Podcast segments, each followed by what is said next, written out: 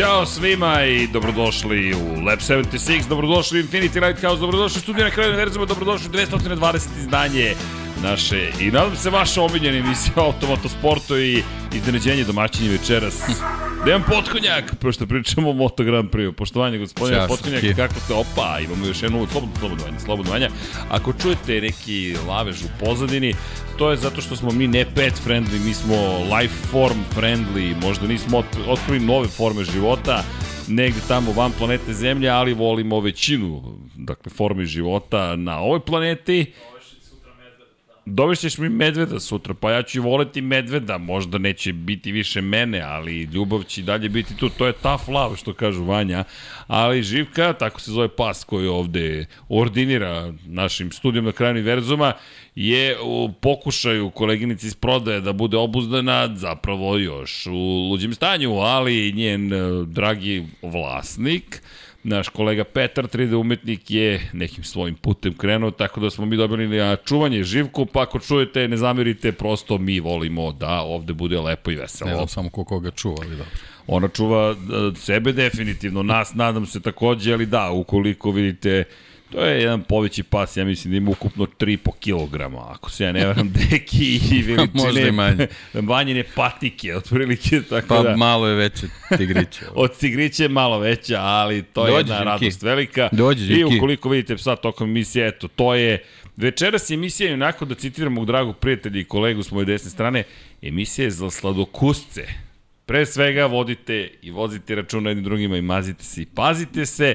Ukoliko ste večera sa nama, onda zaista volite Moto Grand Prix, to je svetski šampionat u motociklizmu, pošto treba da pričamo i o Moto dvojkama, i o Moto trojkama, i o Moto E šampionatu, o Superbajku takođe i ko zna šta ćemo još sve da spomenemo večeras. Pregled polusezone takozvani.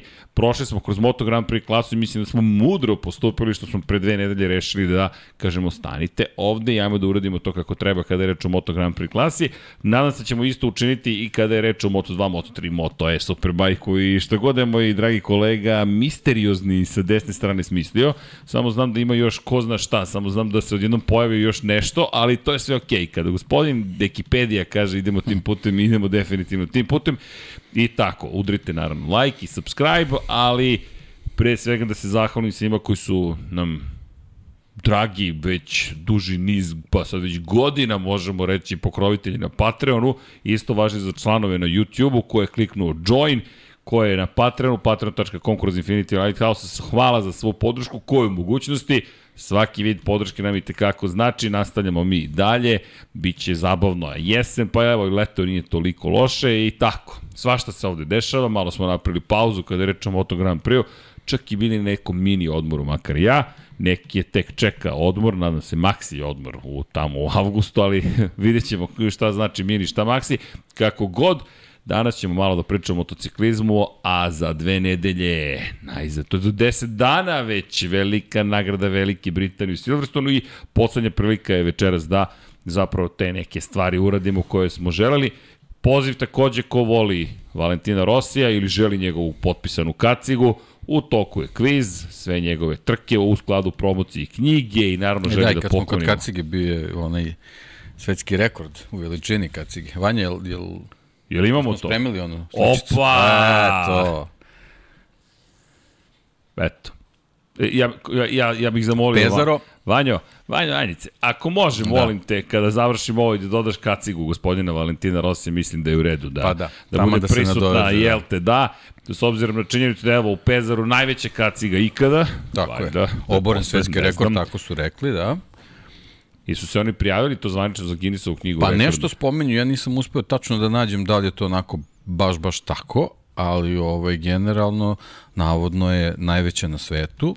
Da, oni koji prate ovo na audio platformama, u kadrovima je trenutno gospodin doktor Valentino Dakle, Rossi, kažu da je oboren Guinnessov svetski rekord. šampion sveta, čovek koji je očigledno prošao celu proceduru zapravo Guinnessove knjige rekorda i čovek koji je pa mnogo toga postigao, pa što da ne obore još jedan rekord. Inače, mi smo naučili što svašta nešto o procedurama kada je reč o Guinnessovoj knjizi rekorda, tako da i mi čekamo da dobijemo povratne informacije od njenih predstavnika, a istovremeno hoćemo da kažemo da ćemo se potruditi da jednog dana držimo taj rekordni podcast u trajanju i da ćemo u jednom trenutku biti svetski rekorderi, ali moramo da požurimo naš kolega iz Dubaja, nam je pomerio granicu sa 37 časova na 40 i koliko? 8. 45. Dakle, eto, 46 časova, taman, eto, Valentino Rossi. Cenim da će Rocijevci biti obradovani, ali Markezovci nemojte još, polako ljudi, doći će tih da tada je 93 sata na red jednog dana. U svakom slučaju,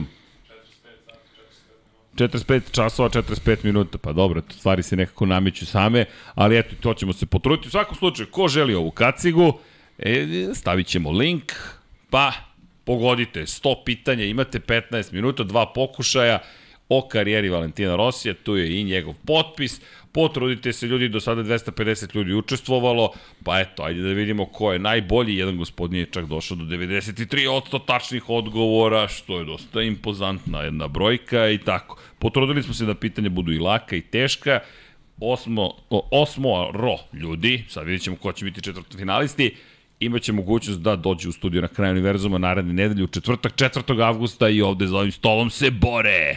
Z... Uh, to je greška, onda moram da pogledam da nije greška, ne. Uh, 20, čekajte. Ne, to je ostalo keširano, to je promenjeno. To ćemo da promenimo, ja se izvinjam, evo koliko večeras imamo pravo kao, jel te, ali nije koliko ja znam, do, do 1. avgusta bi trebalo traje. Tako piše, to ćemo odmah da sredimo, nemojte ništa da, vidi, da brinete, to znači da se potkrala negde greška kod pravnika i nas dok smo se prebacivali dalje je sve urađeno kako treba, morali smo malo da pomeramo datume, ali evo sad ćemo da vidimo Ja mislim da je to bilo iskeširana stara verzija, samo da pogledam da li je bilo push to production čuveni moment, pa izvinjam se svima za grešku koja su tu potkrala, ali evo da vidimo još jednom. Opšta pravila učešća, šta kaže, više ni ne znam koliko ima teksta, u roku od 15 dana, na dnu, evo piše na dnu važanje pravila, pravila stupaju na snagu 18. jula, čekajte sad da vidimo, i važi do 1. augusta. Sad sam se zbunio, moram priznati da vidimo šta piše na samo iz produkcije. Čekajte, ljudi, ajmo to odmah da rešimo opšta pravila, da vidimo gde smo u celoj pravila učešća u kvizu, opšta pravila učešća u kvizu. Pa evo, idite na dno, kaže, važanje pravila, pravila stupaju na snagu 18. jula i važe do 1. augusta. Ja sad ne znam... Aha, 25. A ne, trajanje kriza znanja. A, tu je greška. Imate dole na dnu pravila, to je, dakle, stara verzija se negde potkrala. Sad ćemo da vidimo kako to nije. Aha, nije se desio puštu production najnovije verzije, nego to bila neka prelazna. Ja se izvinjam u ime cele ekipe. Da vidimo. Da, to je stara verzija. To je prvi, nula prvi, evo sad ćemo da uradimo push to production.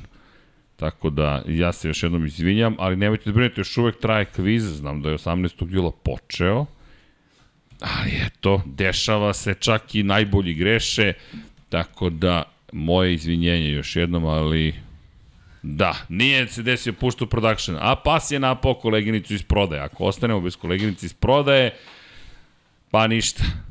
Živka je pobedila večeras. Tako se zove pas, zašto? Zato što je toliko živa da su je nazvali Živka. Definitivno odgovara naziv. Eto, tako da, ne, traje još uvek kviz. Ljudi, ja se izvinjam još jednom, ali imate dole na dnu važenje pravila. Pravila stupaju snagu 18. jula i važe do 1. avgusta.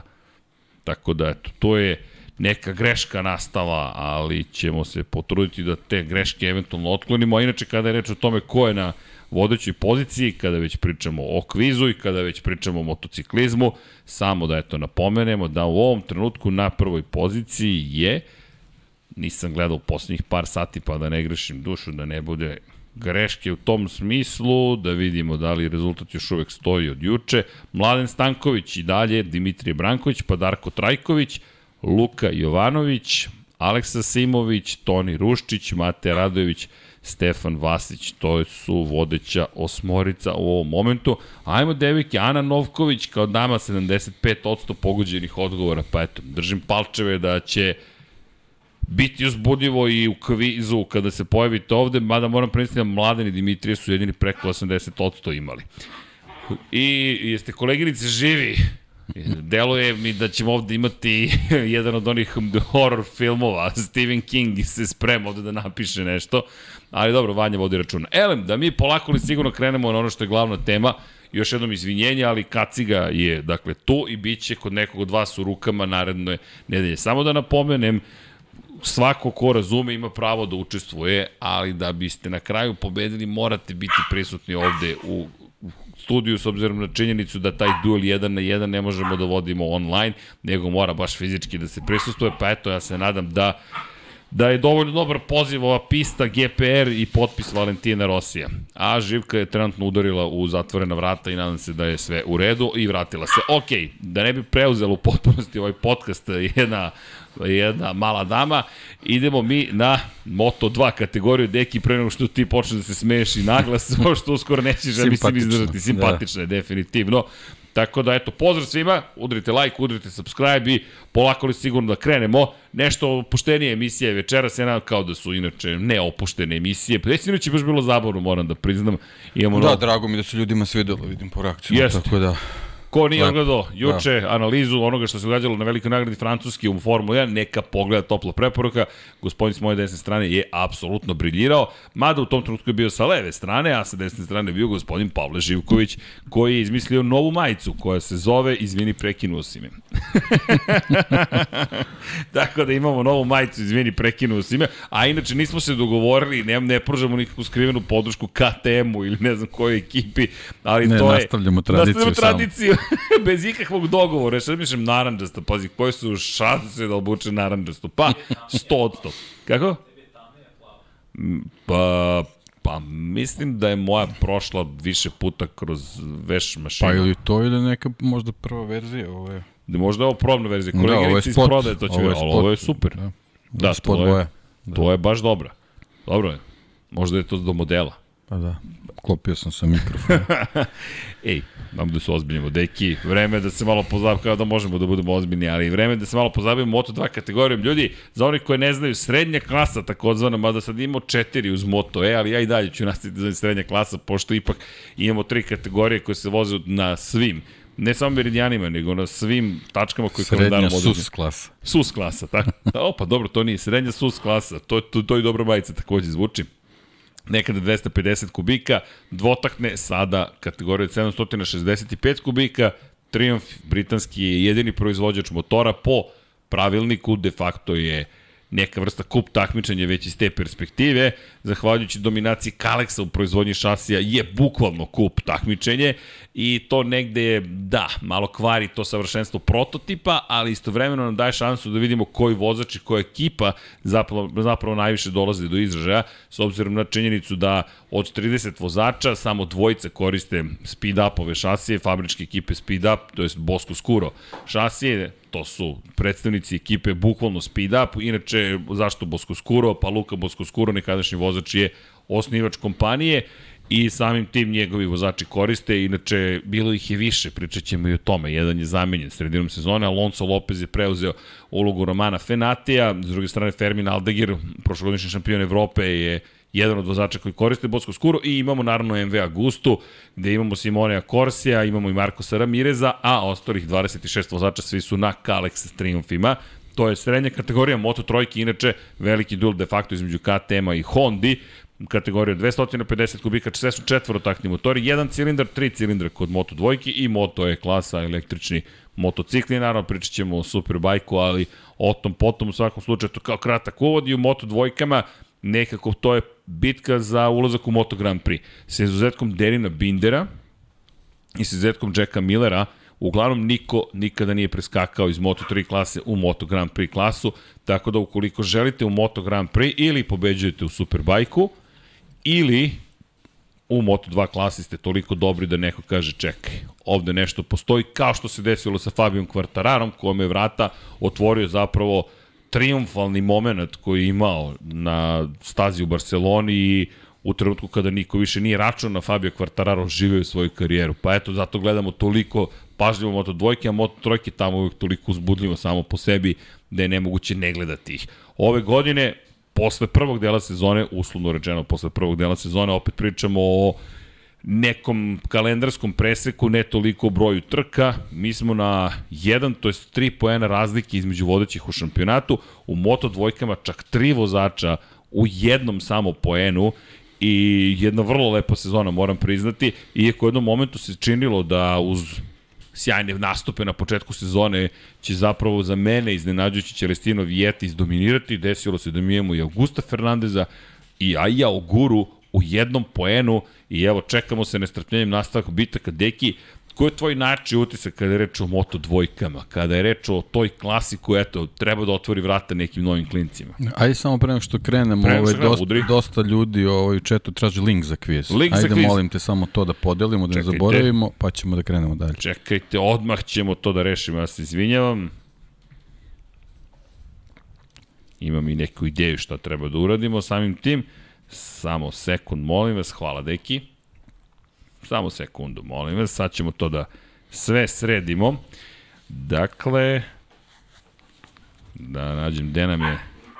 Opa! ja se izvinjavam, ali mi nismo mogli sad da izbacimo, mislim da to zaista ne bi bilo u redu.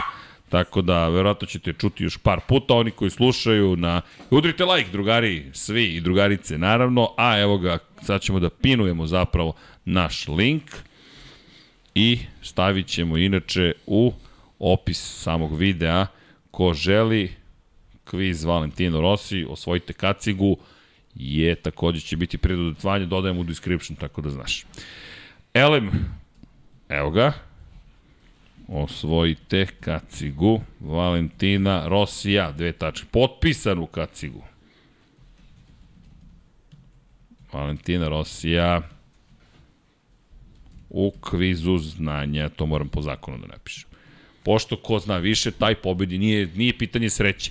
Zašto dva puta imate priliku pa ipak da možete da prođete jednom i da vidite, kaže, ok, ima nekih ljudi koji su stali, na primjer, na nekom pitanju, je poznat, ne znam tačno kog gospodine koji je rekao, toliko dugo sam razmišljao o sete u Džibernau i kada se nešto desilo da mi je isteklo vreme i, i zato imate drugi pokušaj da vas ne prevari taj moment, pošto ima nekih pitanja koje smo zaista sklopili iz daleke, daleke prošlosti, za one koji su malo duže na ovoj planeti i prate duže Moto Grand Prix, cenim da su bila zanimljiva, pa eto, neka najbolji, kogod to bio, dama, gospodin, pobedi, prvo se pojavi ovde, nadam se da će vam to biti uzbudljivo da će biti dramatično 4. avgusta ovde imati osmoricu, osam na, najboljih, pa da se igramo. Jako važan datum postoje taj 4. august. Izgleda, Da, svašta da se evo dešava. vidimo 4. augusta će zvanično se saopšti saradnja Red Bulla i Porschea. Tako je. Da, ajde sad digresiju napravim, ali kad se već spomenuo 4. august. Da, pa evo, priča se dosta kada je reč o tome da, da. da, da, je, da je definitivno Porsche jel te, ušao u celu priču na jedan veoma ozbiljan način i da će da. biti baš partneri. Da, ali to je ono što smo juče pričali, ta ambicija Red Bulla da, da počinju, da, da, da žele da počnu ljudi da ih shvate ozbiljno u čitovi priči. Ove Pa. godine to krenulo sa saradnjom sa Oraklom, znači generalno nije, nije više Red Bull taj koji sam ovaj, bukvalno kroji svoju sudbinu i kroz taj finansijski priliv, o, došli su verovatno do vozača koji može dugo godina još da bude u samom vrhu i onda im je sve što im je nedostajalo je u stvari generalno taj neki pouzdani ozbiljni par, partner na nivou uh, vrhunskih uh, fabričkih ekipa koji su se pojavljivali u, u, u kroz istoriju automobilskog sporta. Kad se spomene Porsche, mislim da apsolutno ne, ne treba još jedna Tačka. reč uz to ime. Da, Samo se kaže tačka. Tako je. Bukvalno. A inače, zašto je zanimljiva vest, meni makar, jeste način na koji je zapravo otkrivena, s obzirom na činjenicu da biste mogli da uopšte povežete tako dve velike kompanije na takav način, dakle Red Bull Racing i Porsche, morali su da prođe kroz antikartel zakone i antimonopolske zakone i da, da se osiguraju da zaista nije ništa nedozvoljeno u svemu tome i između ostalog u Maroku kada se dobio odobrenje vlade da povežete kompanije istoga momenta mora da postane javno dostupan podatak i u svojoj transparentnosti Maroko je zapravo potvrdio da će 50% kompanije Red Bull Racinga zapravo kupiti Porsche, to je takozvani buy-in, dakle oni ulaze u celu priču, pa eto za ljubitelji sladokusce automoto sporta, to je jedna od većih vesti, očekuje se da, 4. uz, augusta. da, uz bude nastavak da generalno Volkswagen grupa neće samo sa Porscheom da uđe u Formulu 1, najverovatniji sa Audijem, a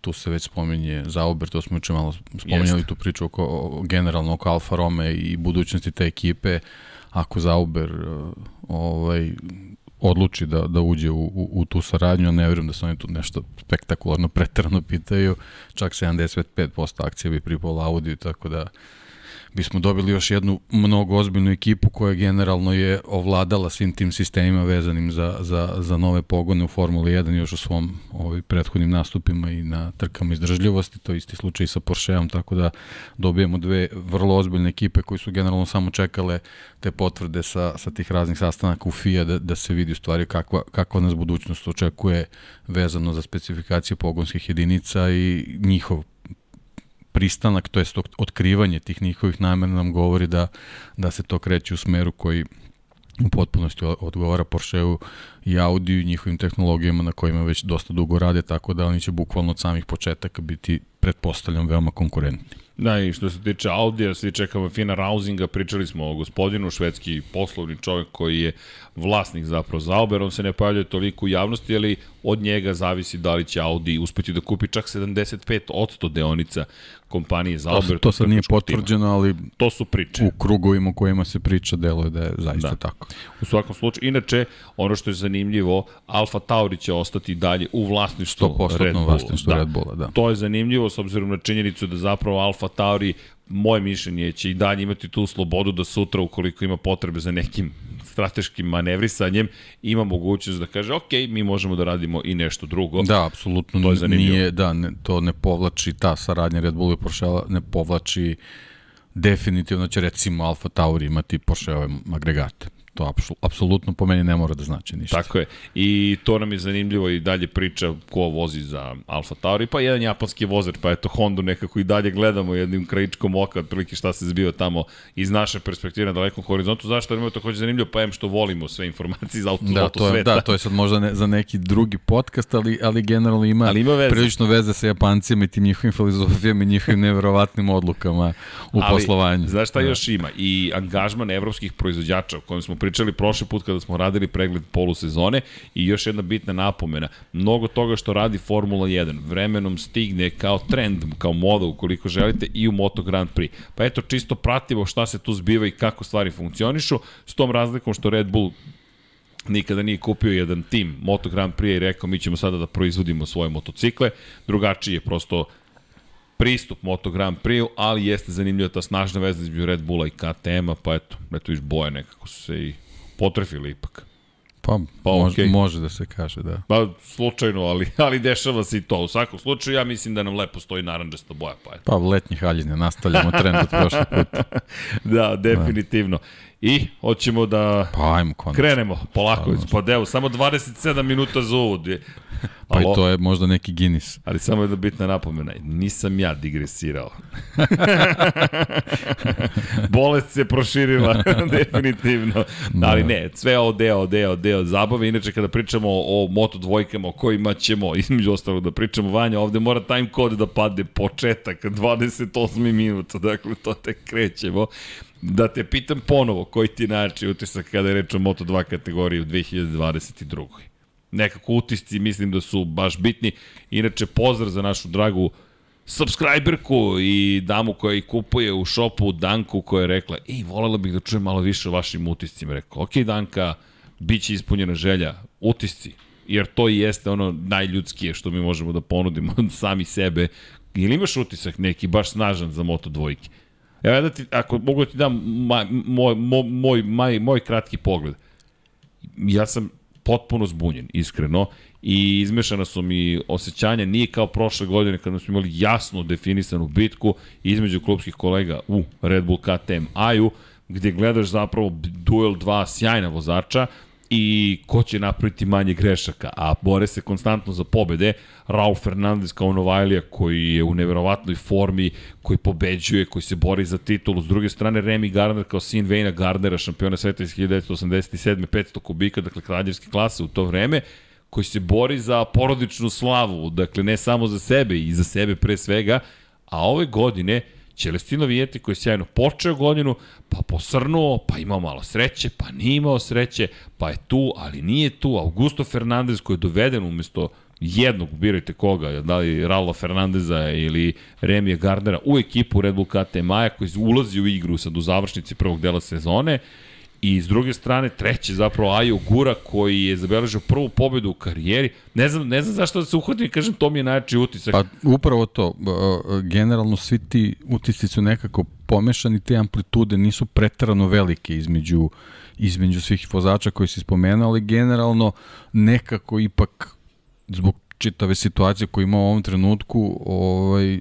Celestino Vijeti ipak treba da bude taj neki uh, vozač na, na čiju stranu blago odlazi taj, taj, taj neki poen koji, koji, mu, koji mu donosi prednost u toj borbi za, za utiske ove sezone, zato što taj, taj start baš zbog svega šta smo očekivali i, i, i zbog vozača kojeg smo očekivali da će biti u samom vrhu od, od tog početka, naravno mislili smo da će on ovaj, se uključiti u, u tu grupu, ali generalno taj, taj dobar start, mislim, mogu da kažem, čak eto i, i prvih pet pet trka, bez obzira što nisu sve završene u poenima, nekako je uh, naslučivao da, da možda možemo da imamo vozača uh, koji, koji će kroz sezonu da prođe kako su Remi i Raul prošli, prošle godine. Međutim, ispostavilo se da neće baš biti tako, a to je onda u stvari drugi utisak.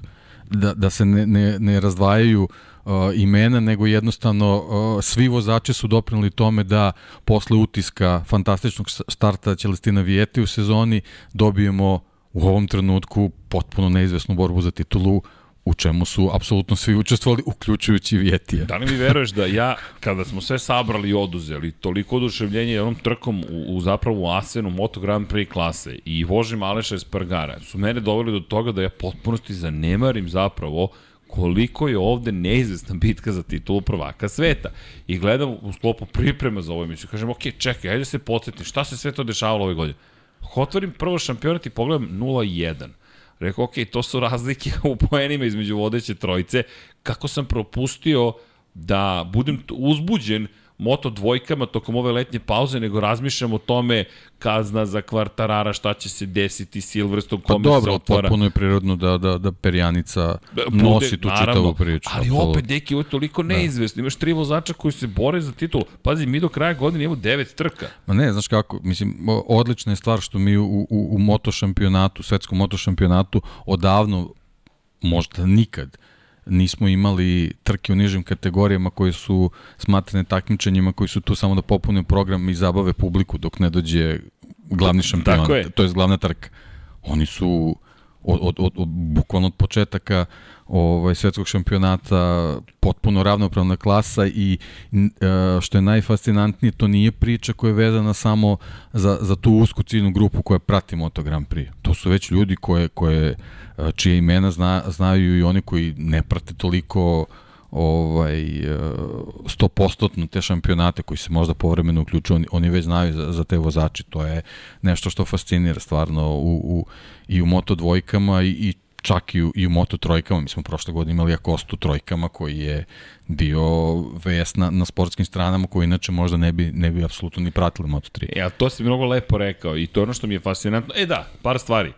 Stigao je novi vodič za one koje eventualno prošle godine nisu kupili, dakle, izdanje za 2022. zaključno sa poslednjom trkom 2021.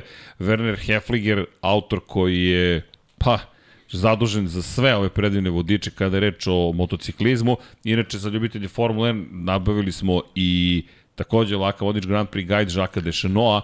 Dakle, motociklisti, ukoliko želite, imate na shop.infinity lighthouse, najnovije izdanje stiglo, starih verzija više nema, rasprodate su i sada nam je ostalo ova, ne, ne ostalo, stiglo je dosta novih kopija. Evo, dobacujem mi ovde još nešto, pošto smo malo pre spominjali SUS šampionati, da to ne zaborim, ali eto, čisto da znate ono što, zašto hoću ovo da istaknem, ne da bismo vam prodali knjigu, naravno kupite ukoliko želite, naš, nama je zadovoljstvo što i moram da, zaista da kažem da osjećam ogroman ponos za cijelu ovu ekipu ponovo, jer ovo su neki snovi, mi smo ovo dobijali deki ja kao poklon, kao novinari, kao mediji, međutim, nekako smo od uvek želeli da omogućimo svima novim prostorima da vide ovu knjigu, da dođu do nje, da ona košta, ima svoju vrednost po ugovoru, ona je jasno definisana, mora da bude u protivrednosti u našem slučaju dinarske, 35 eura, jednostavno ne sme da se prodaje ispod te cene, to je zahtev autora, jednostavno svugde u svetu košta isto, ono što je razlika što ne morate da naručite, je pitanje da li biste mogli da naručite, mada mislim da možete, nema carine, to smo mi sve završili tako dalje i tako dalje, Tako da je to bila naša želja i da popularizujemo da ljudi budu svesni. Šta je pojenta sa ovom knjigom? Ako obratite pažnju, ne znam da se vidi na sive boje, dakle tu su uvek tri kategorije. Uvek su bile tri kategorije. Ne znam za šampionat, to si lepo rekao, nijedan drugi koji toliko poštuje sve tri klase. Vi ste imali Formulu 2 nekada davno. Nažalost, pamtimo je više po pogibijama nekih čuvenih vozača nego što pamtimo po uspesima određenih takmičara.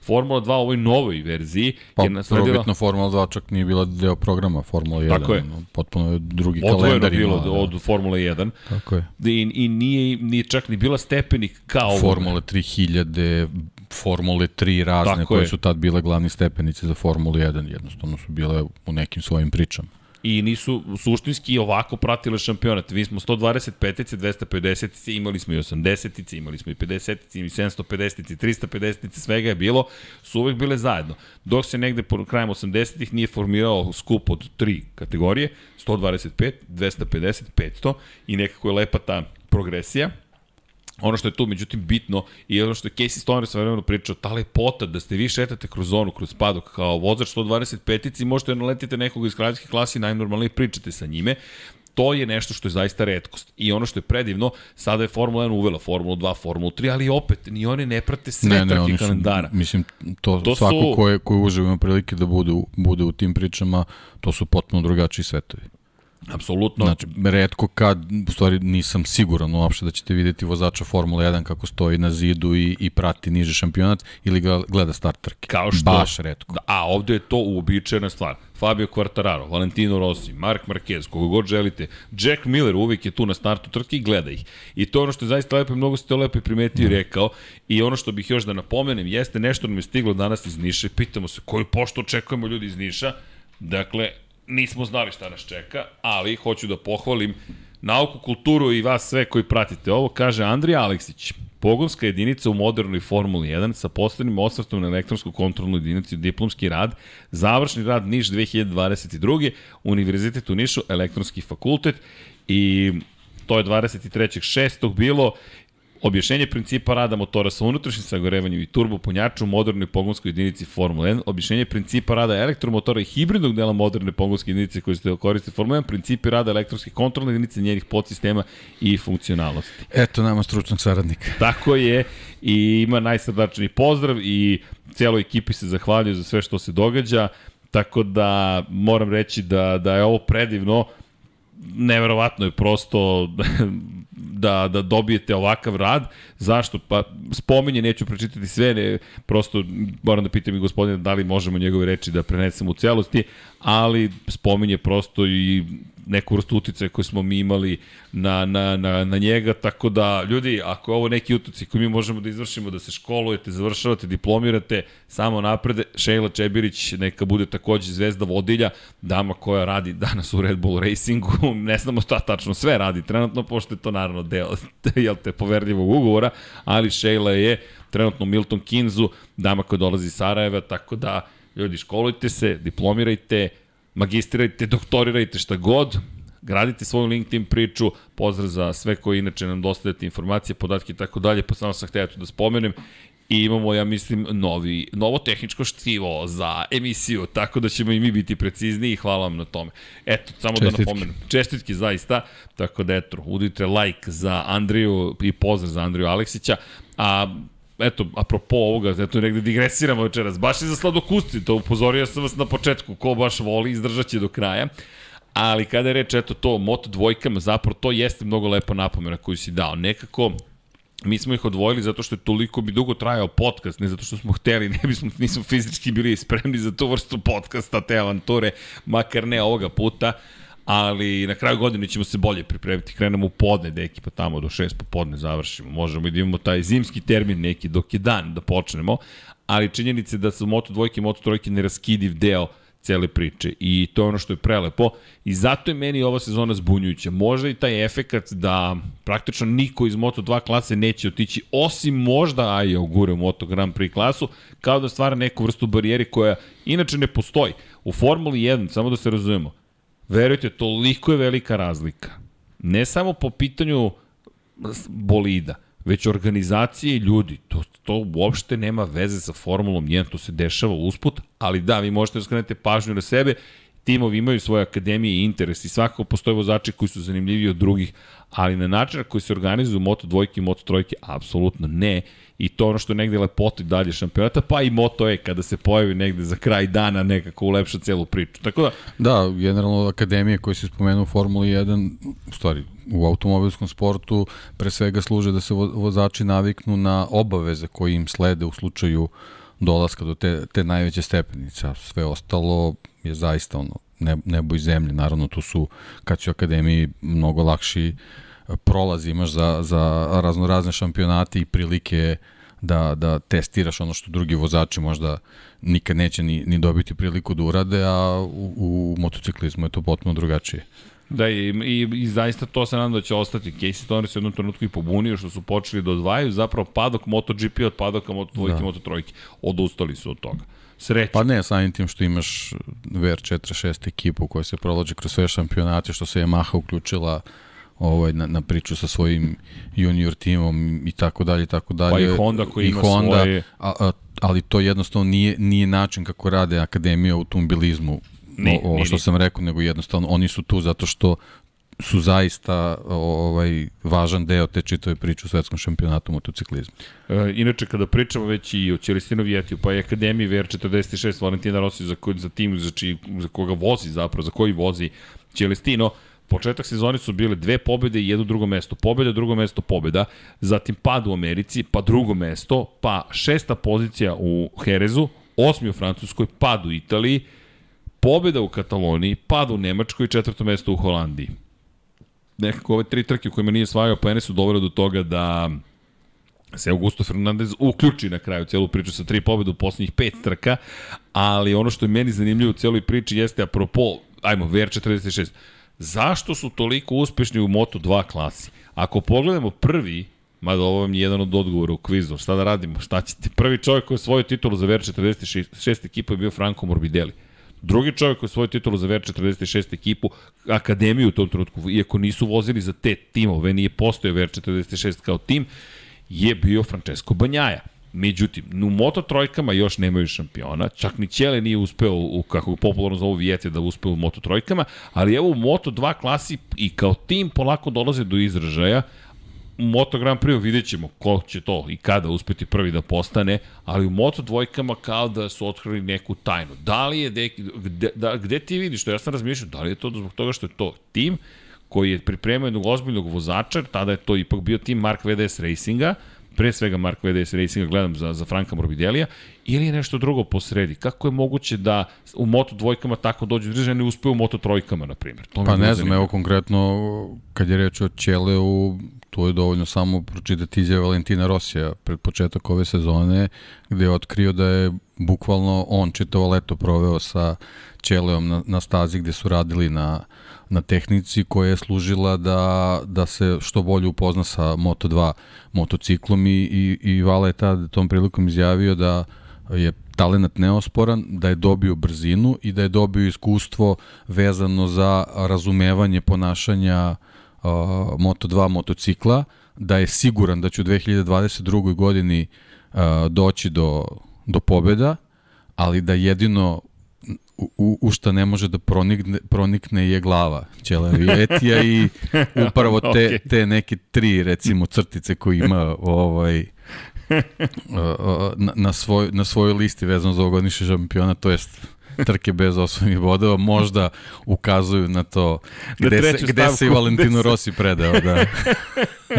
Odustao je rekao, ok, to, da. to je već mora Tako sam da to da neko objašnjenje vezano za ovaj trenutno nerašeni rezultat na vrhu tabele možda, možda leži, leži u tome. Znači, potrebno još na psihologiji da da, da, da ovaj, poradi i, i definitivno će se ta brzina pretvoriti u više podijuma i rezultata koji donose dosta bodova. Mada i ovde kad se pogleda, generalno su manje više sve dvocifreni poeni i, i teško je uh, od Ćelea uh, očekivati da, da ova sezona može da bude tako dominantna kao što su prošle godine ovaj, KTM-ovci imali.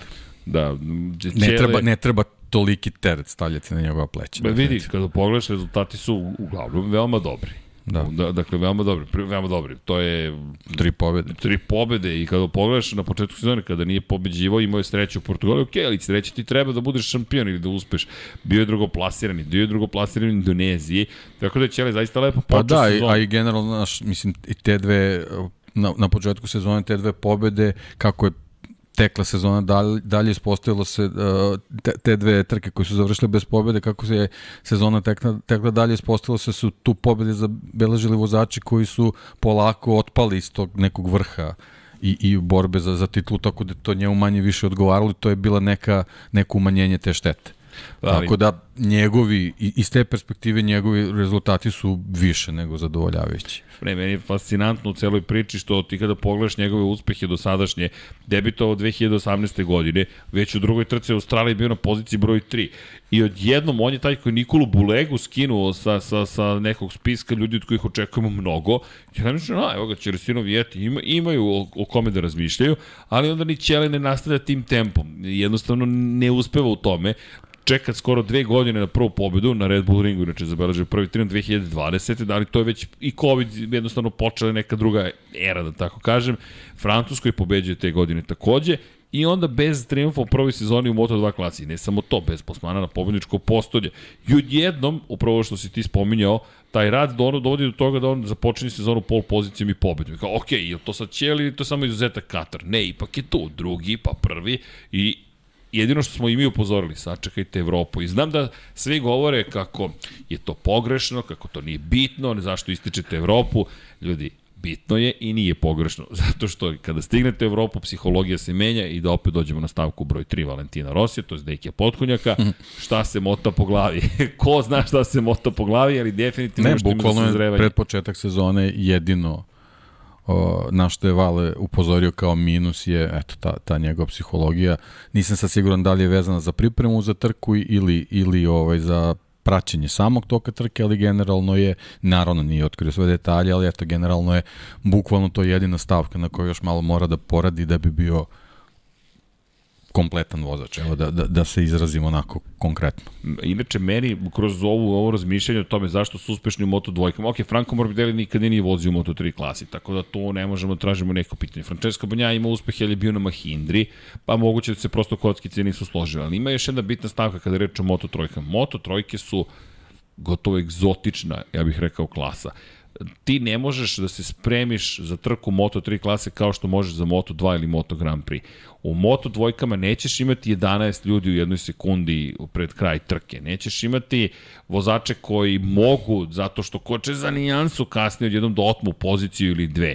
Jednostavno drugačije je trkanje u Moto dvojkama i finese polako dolazi do izražaja. Rekao bih čak i brzina da više dolazi do izražaja, čuvanje guma, način na koji radiš sa ekipom, to postaje kompleksni način Trebaš vožnje. da budeš agresivan, ali i nežan. E, e, to, je, e, to je zanimljivo. To je, to je ono što, što verovatno odvaja te, te vozače ovaj, od, ono, kao, kao kad procesaš sito, pa oni, oni, oni krupni malo izađu gore. Mislim, svi su tu, ali ovi ipak su za nijansu iznad ostali. Da, i, i to mislim da otkriva to, Moto da, dvojka, da, da. jer u Moto trojkama ti zaista možeš, pratiš banzai, agresivan si, zatr, zastrašiš i tako dalje. Ove godine vidimo da i tu ima promjena, to će, mi, mislim, biti jedan od light motiva šta se desilo s Moto trojkama ove sezone, jer mi imamo dosta situacija u kojima nemamo 15 vozača na kraju trke, naprotiv, mi imamo dominantne pobede ove sezone, to je neki najjači utisak za Moto trojke, kako se promenilo trkanje zapravo ove godine.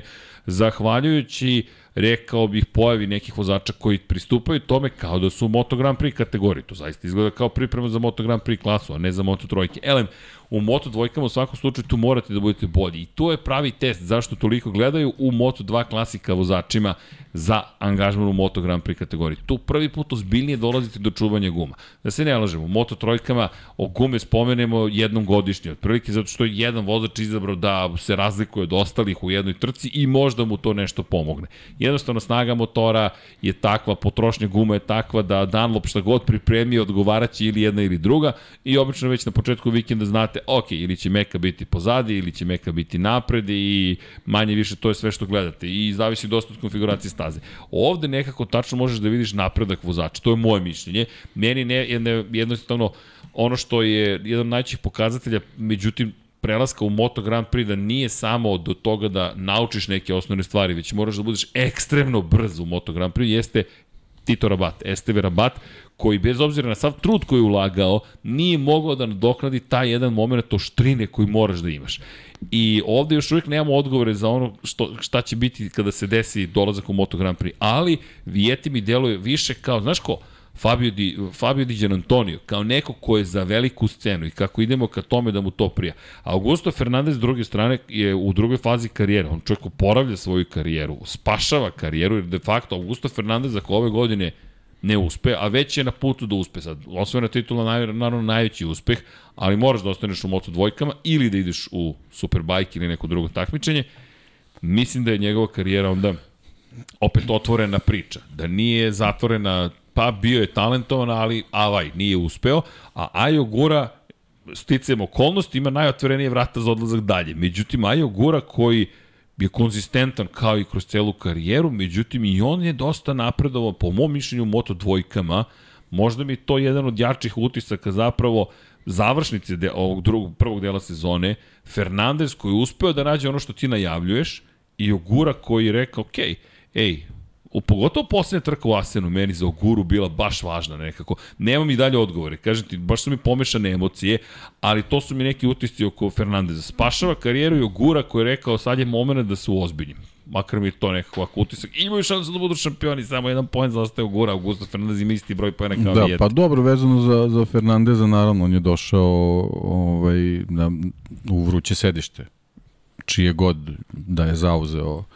ovaj prelaskom u, u, u KTM, ali ali generalno pokazuje je da je da i i vozačima koji su iskusni u određenoj kategoriji zaista treba neko vreme da se da se adaptiraju na na ekipu ovaj u, u, u kojoj su se našli. O, za razliku od, od prethodne dve sezone eto on je imao taj moment koji je generalno nešto što sa čim su se ranije vozači susretali, a to je taj taj prvi deo sezone i te van, van evropske trke i možda je, možda je to njemu bio taj, taj nezgodan tajming da, da je promena ekipe došla u trenutku kad su prvi put timovi, eto, posle, posle duže pauze krenuli na, na, na ta preko kenska gostovanja, da ih tako nazovem, i onda je u tom hodu i, i u tim putovanjima on, on morao paralelno i da se navikava na ekipu, a znamo da i u Mark VDS-u nije, nije bio vozač koji onako strelovito i munjevito isporučuje ovaj brzinu i, i rezultate za koje je isposoban i čim se malo ta, ta situacija konsolidovala, on je vezao šest trka sa, sa, sa bodovima, zabeležio tri pobede i praktično je uz Ćelaja jedini vozač koji ima toliko pobede. Znači, kad, kad se nekako podvuče crta, on je generalno u ovom delu sezone otprilike uradio ono, ono što je trebalo da, i da uradi, uh, da nije bilo onog, onog nesrećnog, nezgodnog pada u Argentini na, na samom startu u prvoj krivini i njegov bodovni saldo bi verovatno bio malo bolji, imao bi možda neku minimalnu prednost i neko vođstvo, ali to je ono generalno što bi i ekipa očekivala od njega i to bi bilo onako nekako, nekako i mirnija luka sad je malo sve neizvesnije, pa, pa nije to baš tako sigurno, ali mislim da, da generalno u ovoj trenutnoj situaciji, s obzirom kako je počela sezona, mislim da su i oni ekipa zadovoljni da sad sa, posle ove pauze mogu mnogo mirnije da dolaze u, u završnicu sezona. On je, on je i prošle godine pokazao da, da taj finiš stvarno može da bude dobar i da mu do, da dolaze staze koje mu leže. Da, meni je zanimljivo zanimljivo to koliko je dugo trajalo da, dok on nije ušao opet u formu koju imao pre tri godine. Jer to je zaista dugačak period i imao je, ja mislim, i sreće da dobije podršku koju je dobio. Talent neosporan, ali toliko uspona padova, ideš gore, ideš dole, ideš gore. On se borio sa Aleksom Markezom za titulu šampiona sveta u Moto2 klasi. Izgubio je tu bitku, Alex Marquez je osvojio titulu, otišao u Moto Grand Prix klasu, ostaje inače u Moto Grand Prix kategoriji. Tamo je tek inače teorija, teorija, najnovije teorija da Alex Marquez otišao zapravo u Ducati da bi bratu mogao da prenese informacije kakav je Ducati. Ljudi, nije. Dakle, evo, potpisujem da to nema veze sa životom. Zašto? Zato što je u Asenu Alex Marquez izjavio – drago mi je da izlazim iz senke Markove. Jednostavno, drago mi je da izađem iz tima koji pripada mom bratu. Želim da budem negde drugde. I ne da neće otkrivati informacije naprotiv, nego će biti u situaciji da najzad može da kaže, e, ne smem da ti ispričam šta imam, da šta znam. Da, i da, da konačno javnost ne, po, ne povlači paralela. Tako je. Nije on potrčko za Marka. Mark, pritom, to su brođena braća koje se zaista vole. Volao bih da to prenesem kada ih vidite na stazi to je zaista bratska ljubav. Oni vole jedan drugoga dovoljno da zaista na jednom najlepšem, najromantičnijem nivou da kažu, ej, radi svoje. Bukvalno radi svoje.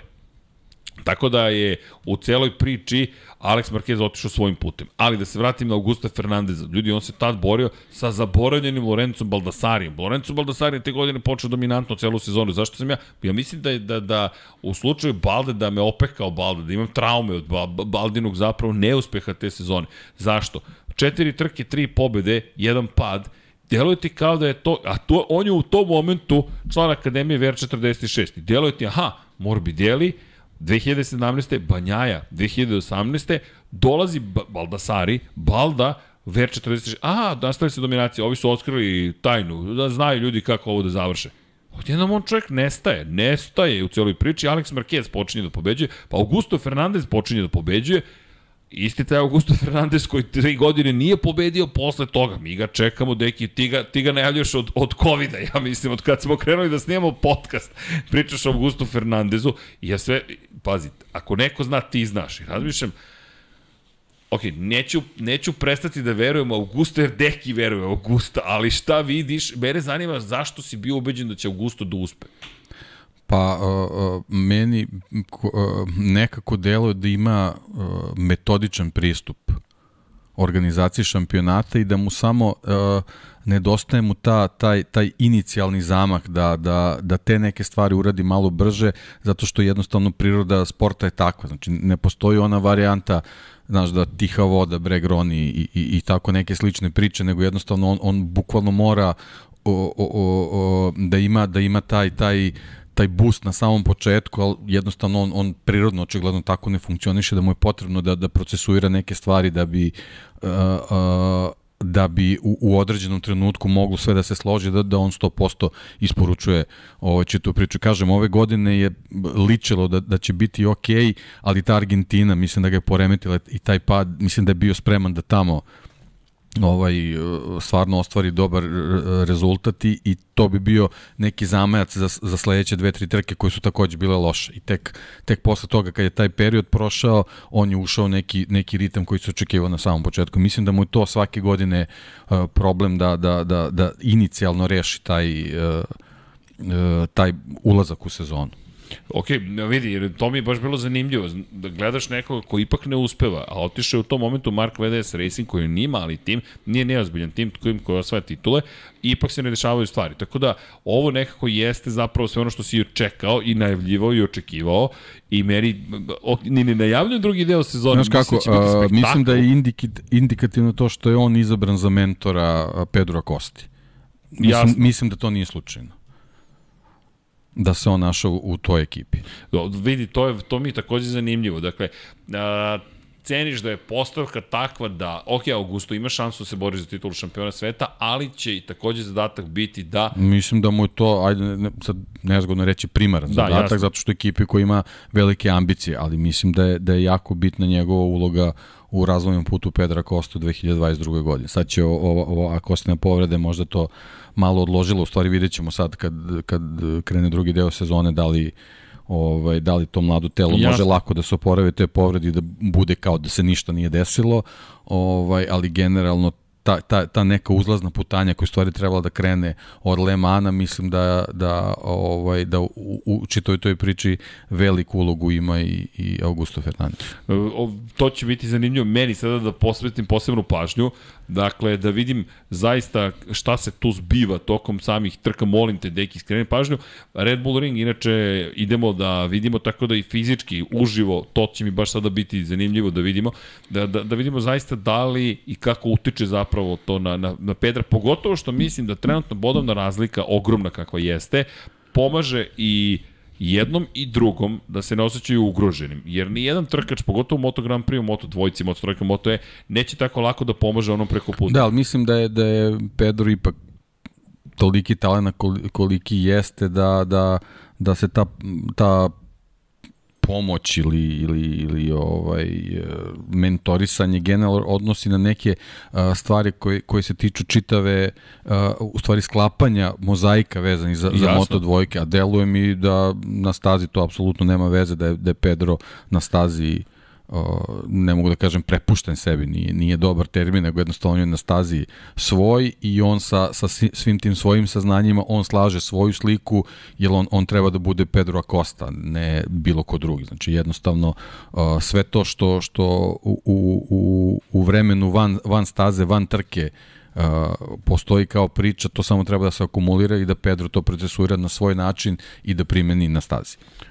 Pa to je ono što pričamo, kompleksnost. Tako zapravo. da mislim da vezano za samu trku tu, tu ne, jednostavno nikakvih dodatnih tačaka nema. Da. Mislim baš bukvalno na to da, da je ovo olakšava posao ekipi. Pedro ne ugrožava Fernandeza u kontekstu ne, borbe ne, za titulu ne. šampiona sveta. Da. Tipa, moram da se bavim sada nekim drugim iz perspektive Fernandeza, a ne svojom bitkom. Ne, on se svojom bitkom sada bavi kako on se on bavi je... svojom bitkom, a, a Kosta je tu da, da, da posmatra način kako to je to. se neko bavi svojom bitkom u, u Moto2 kategoriji. I onda sledeće godine, pošto neminovno ne ide u Moto Grand Prix, verovatno ostaje, jer verujem da želi Moto Grand Prix Augusto Fernandez, dobijemo duel u kojem, i ako nisu osvojili titulu, bit će drame. A Celestino vrlo verovatno ne ide u Moto Grand Prix takođe, što negde neće da najavljaju 2023. Ali, verujem i razmišljao sam vrlo pažljivo o tome, ako Augura zaista ode, i dalje ostaju kakvi vozači, ostaje Toni Arbolino, ostaje Aaron Kane, koji nadam se da će imati manje povreda, koji će nadam se zabeležiti prvu pobedu u karijeri. Jake Dixon, očekujem napredak, napredak i evoluciju kod njega. Naredna sezona Moto dvojke bi mogla da bude jedna od najzategnutijih, jedna od najprofesionalnijih, rekao bih, jer mislim da i Fernandez i Acosta to imaju u sebi, ekipa Red Bull KTM definitivno ima. Očigledno da VR46 tim polako dolazi kao tim do tog nivoa, nije ovo na Celestinu Vijetiju. Dakle, vodite računa, ovaj tim će, ovaj tim će biti veoma ozbiljan generalno i kada pričamo o ostalim timovima, veza Sito Pons potvrđuje da je, mu je bio potreban Aron Kane, to je jedan dobar vozač, takav vozač koji može da ga razume i da je Sito Pons i dalje u igri. I naravno, ekipa koja dominira u Moto3 klasi Jorge Martinez Aspara, koja uz, eto, Jake Dixona, pa možda i Alberta Arena sa sledeće godine bude još opasnije. Ali okej, okay, i oni su mi zanimljivi, međutim, jedna od glavnih ličnosti u šampionatu, Aaron Kane, takođe mislim da zaslužuje mnogo pažnje. Neću preskočiti Aja Oguru, ali samo bih i njega dodao u celu priču zato što Kane jednostavno povredom sebe doveo u situaciju, povredom, nije on sebe doveo, prosto se desio saobraćeni incident u kojem njegova devojka vozila automobil, greškom ugasila kontrolu proklizavanju sportskom automobilu, ljudi, to samo ko nije vozio sportski automobil bez kontrole proklizanja ne, ne, ne zna o čemu se tu radi. To, to je nemoguće za vožnju. To samo izgleda jednostavno zato što Tako izgleda, ništa drugo. Ali devojka napravila grešku i Aron Kane je nažalost povređen na taj način da njemu non stop je curila krv iz nosa u poslednje dve trke, nije mogao da vozi, na kraju odustao trkanje u Holandiji i trenutno zostaje 30 poena da, za vodeću. toga povrede ruke i Između baš, ostalo. baš je onako, ovaj, ima dosta tih fizičkih problema, ali generalno on je meni na, na početku sezonu s Fernandeza ja sam tipovao nekako i, i na Kanea da će uspeti konačno Dunovči sva to svoje iskustvo koje ima i onda opet eto ako, ako pričam o Argentini vezano za Fernandeza moram da se vratim onda na Texas i, i Kanea i on, ono njegovu eto malo možda nepromišljenu situaciju i, i, i nepotrebno forsiranje. Tu da je, bila, da je bio ovaj, da je bila veća grupa, ovaj, veća količina bodova, a trebalo da bude barem 20, što znači da bi Ugura imao malo manje, znači mi bismo sad imali četvoricu vozača koji, su, koji bi bili jako, jako blizu. Mislim, nisu ni ovako daleko. Nisu. Trojica su onako baš u mrtvoj trci, ka ne... Nije ni on ne, ispao nešto za, Da, nešto zaostaje, ali generalno bilo bi mnogo, mnogo Uh, uh, mnogo neizvesnije situacije, njemu možda malo opuštenija zbog svega šta mu se dešavalo, uh, ali, ali generalno ni ovako nije, nije nije, nije daleko. Ali eto, bukvalno, ako, ako analiziramo sezonu sa svim tim nedaćama koje je imao, bukvalno eto jedna trka odlučila da li, da li bi bio potpuno uključen u, u tu borbu za titulu ili, ili evo, ako da kažemo minimalno zaostaje. Tako da zbog svega šta mu se izdešavalo, ne može ni on da bude nezadovoljan sa prvim delom sezone. Ja bih to tako gledao. Pa i mislim da je imao srećnu okolnost da nastupi ova duga, duga pauza, zaista duga pauza, da može da se oporavi, jer pazi, devet trka, nadoknati 30 pojena nije nemoguće, pogotovo uz uspone i padove koji su imali i Vijeti i Fernandez, s tim što Fernandez ide na jednu od omiljenih svojih staza, ide u Silverstone gde je zaista bio veoma brz, pa ćemo vidjeti. Pa A... ide Silverstone, ide Austrija i onda ide San Marino, gde je takođe ovaj pokazao Da. To je ne, ne San Marino, nego Mizano. Mizano. Ovaj, prošlogodišnji nastup je stvarno pokazao da, da je on jedan od, od, od onih vozača koji Mizano mogu žmurećki da voze, tako da ovaj, to, je, to je ta neka grupa staza gde bi on stvarno trebao da iskoristi svoju priliku, pričam za, za Fernandeza, zato što onda krećemo onu nepoznanicu za njih koja se zove ovaj, van evropski finiš sezone sa kojim se nisu uh, susretali u, u ovoj kategoriji, tako da ovaj, to, je, to je nešto što ih sve očekuje, ali za Fernandeza i, i, i Kanea mislim da je jako važno da ovaj, da ovaj mini evropski deo tri trke odrede najbolje moguće da bi, da bi držali taj, taj priključak, a eto, što se tiče Ćelea, Vale najbolje rekao da taj, taj neki faktor koji niko ne Nemamo, može da, da predvidi možda može da njemu bude ozbiljan džoker u finišu sezona. Inače, ajmo i Ajo Guru da prođemo samo. Ajo Gura je jedan od najkonzistentnijih vozača. Je se izredkom Portugali gde smo imali onaj ružan incident gde je kiša počela da pada u sred trke i manje više eliminisala većinu takmičara, Ogura nije napravio neku veću grešku. Čak i greške, ono što je meni fascinantno u Asenu. Zašto je meni Asen možda i prekretnica za Aja Oguru? To je prvi put da sam video Aja da nije odustao u sred trke nego, jer svaki put ranije se dešavalo, ok, popusti i nekako ostane tamo. Da, nekako to, to mu je deo taktike, to, to, to popuštanje i, i izlaženje tih duela i to je ono nešto što ga obele, obeležilo i trojkama i na kraju krajeva do, do, do toga da imate rezultate u svojoj biografiji kakve ima.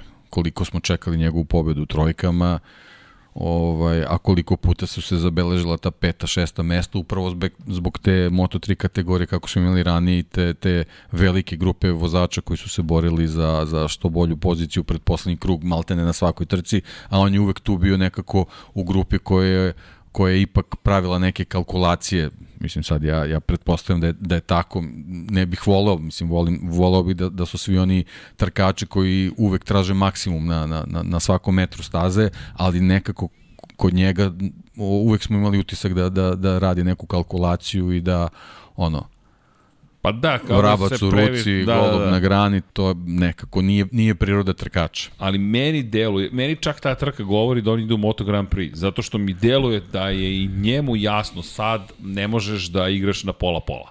Sada moraš da ideš do kraja I ono što je fenomenalno u celoj priči, često ljudi tu pogreše, to je naprave taj grešku. Nije ni greška, to ti lepo kažeš. Pa šta je pogrešio? Prešao granicu. Pa to je prešao pa sam da, granicu. Pa da, ali znaš kako, ta, ta njegova taktika je mnogo isplatljivija u Moto Grand Prix-u i njega bih pore, uporedio u ovom trenutku, čisto bih povukao paralelu sa Bastianinijem. Te sve trke koje nije završio, nije završio upravo zbog toga što je teo više nego što može u tom trenutku. Jasno. A očigledno da Ogura zna Koliko može. Zna granicu, da.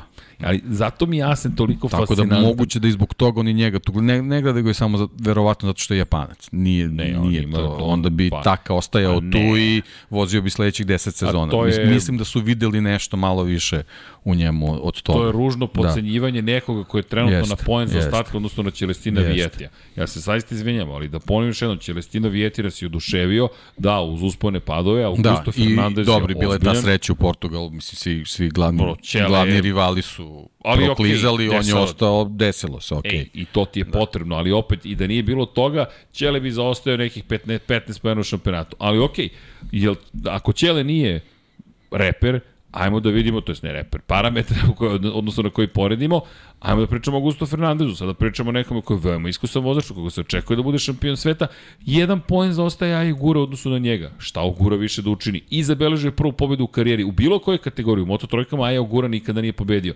Sada je zabeležio pobedu u sred Hereza, to je kompleksna staza, tehnički vrlo zahtevna, završio posao i kažem, vraćam se na Asen, to mi je najveći utisak. Ti si ispao praktično iz igre i nisi odustao. To, i to mi je prvi put bilo da gledamo, razmišljamo, evo ga Ogura, nema šanse, evo odustaje klasično padanje Aja Ogure. Ne, evo ga, evo ga, evo ga, evo ga, evo ga, preticanje, napad i odbrane pozicije, tap, tap, tap, tap, tap, evo ga na drugoj poziciji, čekaj, šta se sad dešava sa Ajom Ogurom? I ta, to sazrevanje trkačko. imamo gureni krugovi za sena možda? Da Negde slučajno, kako bismo to mogli da pronađemo? To je bilo... To je teško, jel da? To, e, sad ćemo da vidimo, čekaj, da, po, ta, Ne mogu, set, ne mogu setim da li smo tad imali krugove moto dvojke uopšte. nisam siguran. Mm, čekaj, sad ćemo da potrčimo. 26. juni je bilo trka u Asenu. Pa to su poslednje analize koje smo imali, poslednje da, grafike. dakle, 20, a, 29. bi onda bio. 29. E, hvala Vanja. Jer da. Ajo gura, ali pazi, uvek imamo mogućnost da pretražimo trka, TT Asen, idemo na moto dvojke, trka, gde nam je Ajo gura, analiza. Za one koji žele da vide krugove, analysis PDF. Evo ga Ogura, 39, krećemo drugog kruga, 39, 2, 9, 4, 8, 0, 7, 4, 7, 6, 7, 5, 7, 2, 7, 4, 7, 4, 7, 3, 7, 5, 7, 3, 7, 2, 7, 6, 7, 4, 7, 4, 7, 3, 7, 0, 7, 4, 7, 1, 7, 5, 7, 2, 7, 3. Znači recimo 7-4, a ovaj Fernandezovi krugovi? Fernandez, pa evo, drugi krug, kada bi 39-2 vozio Ogura i drugi krug 39-4, u ta dva kruga 38-1, 37-4 i zatim 37-2, Evo ga Ajo Gura. Hvala Vanja, care. Hvala Dragoju Stanišiću. I da hvala svima koji ne šaljete podatke. Aleksa Vučić, Dragoje Stanišić. Kogod nam pomaže, hvala od srca i do neba. I eto, to su ta dva kruga, drugi i treći, gde su nastali Dobro, problemi. znači otprilike 37-4, recimo da kažemo je neko, neko prosečno Tako je. vreme. O, o, e, sad me zanima Fernandezovo ovaj, kao pobednike trke. Hvala Vanja. Pa, vidi, deki, nije daleko. Nije daleko, ali očigledno da, da, da, da Ogura zna da, da, uh, da ne preteruje, ono što smo i pričali. Znači, to su otprilike bili krugovi koji su, koji su ga doveli do toga da ima, da ima ritam kojim će lagano da napreduje kroz grid. Iako je to delovalo kao prilično agresivno, po ovome vidimo da znači, njegovi krugovi nisu bili ništa Pazi, ništa spektakularno da, da, da, da se pežorativno tako sad izrazi. ali pazi, u jednoj sekundi su na kraju završila njih četvorica. To je Tako je. Četvorica beše? Ne, petorica. Petorica čak su, su bilo u jednoj sekundi. Dakle, mi imamo jednu od najluđih trka generalno, a imali smo, šta mi je isto utisak veoma snažan? Velika nagrada Katalonije mi je utisak. E, ima trka i ima trka. Najbolja trka, ja mislim, u triumfovoj eri je velika nagrada Katalonije. I to, to, to, to svi jednoglasno verujemo. E, Deki često priča o kup takmičenjima i uglavnom se naježi kada pričamo o svetskom šampionatu. Zašto? Nemamo mi ništa protiv kup takmičenja. Ako smemo da pričamo ime pa i Pajno i tvoji, svih ovde. Kup takmičenja su okej, okay, to je neki razvojni put, ali kada pričamo o Formuli 1, kada pričamo o Moto Grand Prix, Moto dvojkama i Moto trojkama, mi pričamo o bukvalno najvrednijim, najvažnijim i najtežim kategorijama svetskog šampionata. Samim tim, pretvoriti ih u kup takmičenja nije okej. Okay. Da, kup takmičenja su tu da bi jednostavno takve forme takmičenja bile pristupačnije. I to tome generalno služi. I služi kao neki razvojni put. Ali ti kad dođeš na, na, na sam vrh, tu jednostavno kalkulacije više nema i to tako treba i da bude. I to važi ne samo za Tako vozače, već za mehaničare, Tako inženjere, šefove timova, njihove tehničke partnere, njihove sponzore, njihov marketing, svi moraju da budu na najvišem nivou. Ali kada kažemo svi, svi, evo, masovno mi ljudi pišu kupi mi nešto da ne je Bastianinija. Ma nisam imao šta da kupim, nisu proizveli majice. Ljudi, nisu ih proizveli, sada ih imate u ponudi. Na početku godine niko u Gresiniju nije razmišljao o tome da pravi robu reklamnu Enea Bastianini. Ni, ni, to, nisu se bavili time, oni su ljudi trkači, ali to je njihov tim za komercijalizaciju cijele ekipe, zapravo uradio nedovoljno dobar posao. E takva ista priča i ovde. Zato, na primjer, kada je reč o kup takmičenja, mi to, ja, bilo bi lepo da vidimo još nekog proizvođača, ali ok, nećemo ga dobiti u Moto dvojkama. I onda iz te perspektive, kada pričamo nekako, ajde, o, o, o samim takmičenjima, pokušavamo da izvučemo ovu priču, dakle, vozač, ekipa, vozač, ekipa. I Deki baš insistira, ti insistiraš na ekipi mnogo. Zašto? Zato što je tim mnogo važan. Vi tačno vidite kada tim loše radi i apropo tvojih pitanja, Red Bull KTM, da li je bilo greš? Ekipa nije funkcionisala. Nisu se vozači pogubili. Jednostavno, zajedno sa timom nisu mogli da nađu postavku. I tu bih pohvalio Dimicu Hondu takođe, jer mislim da su i oni u Ajo u Guri najzad našli nekoga ko njih može da pomeri na sledeći nivo. Jer Dimicu je stalno imao slične probleme ponekad bljesnu, po kiši se zabeleži neki dobar rezultat i to je bilo to. Sada sa Ajem gurom i gledamo ekipu koja se stalno bori za sam vrh. Da, ja je gura upravo to, nije vozač koji će da bljesne. Ako poredimo da pričamo o, o sličnom vozaču, pričaćemo o Taki, čoveku koga on treba da zameni. Taki je čovek bljeska.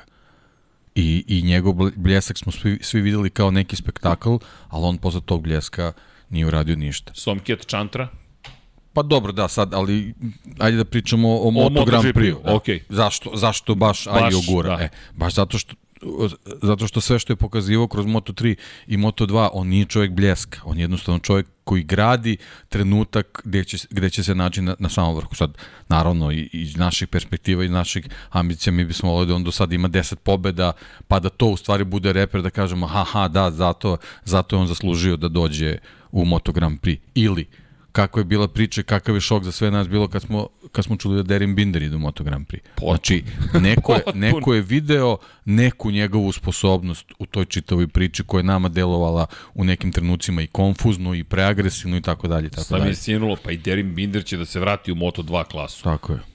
To će Možeš tek da zamisliš sa ovim iskustvom, ovim kad dođe u Moto2. Kad dođe. Jer on sad ne dolazi kao... Stvari, on, on se ne vraća u Moto2. On ne vraća, nikad on nije bio. On dolazi u Moto2. da. Kakav čudni put Derina Bindera. Op, op, možda ponovo nazad.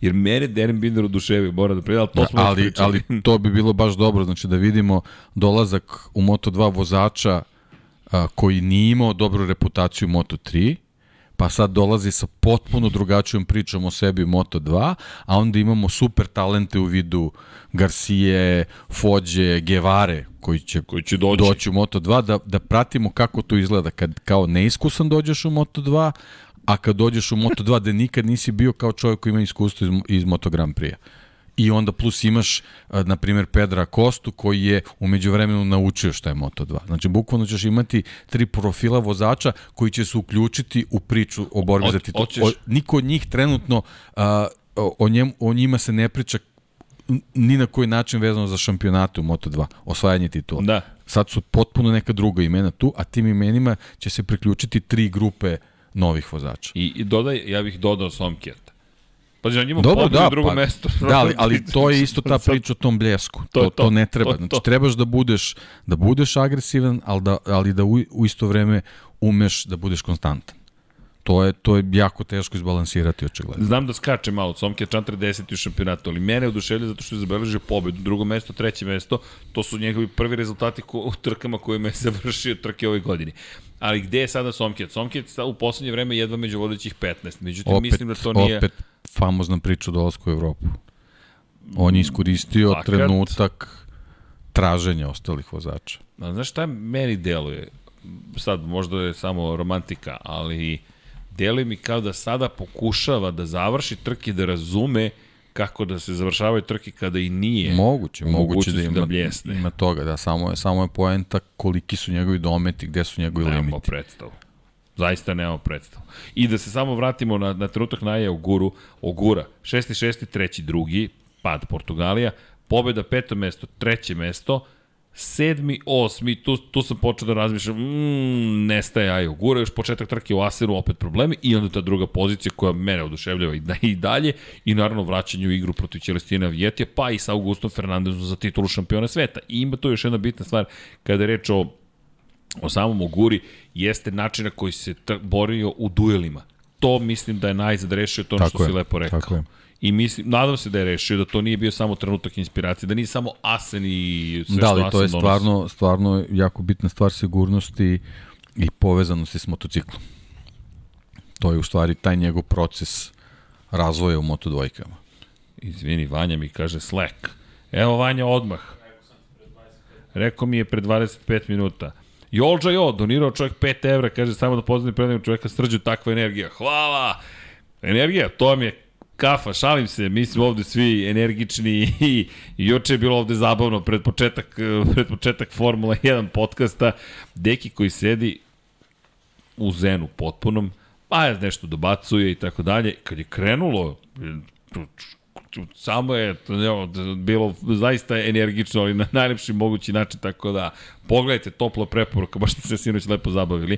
Moramo, da se što paja, ne? moramo paju da vučemo. Jao, sad sam nešto shvatio, da bi, ne, to moramo, da to mora da se desi. Jednostavno mora da ne, se... Ne, znaš kako ćemo ga prevarimo, doći ćemo pod kapicom, tako da će odmorati da dođemo autogram. Može, Dobro, deki, šta ću ja da radim pod kapicu, da glovim ribu? Šta god nam padne na pamet. kakav je problem? Ma kakav je problem? Stavimo kapicu, ba idi, ti ćeš da pričaš o vaterpolu, ja to ne sumnjam uopšte, tako da ti sve znaš. Ali ja ću da sedim i kažem, ok, ja mogu da ne znam, da plivam iza vas od prilike, da me projektujete tamo negde. E to imam, ja imam još ideja, dobro. Ali dobro, evo, hvata se koleginica iz prodaje. Ne brinite, nećemo ništa novo da prodajemo. Kao nećemo, znamo da hoćemo, naravno. Čekamo da nas se vrati naš omiljeni proizvođač reklamne robe, Medoni, i onda ćemo da sednemo s njim da imamo šta sve još možemo da uradimo za nastavak sezone. Evo, gledaju se ponovno. Čini se gledaju Deki i koleginici iz prodaje. Ne, ne nego vidim, tražu, tražu četu da pokažemo Živku, ali mislim da otišao spava. Spava. da spava. Ljudi, uspavali smo. A ne bukvalno, nego otišli na spavanje, tako da...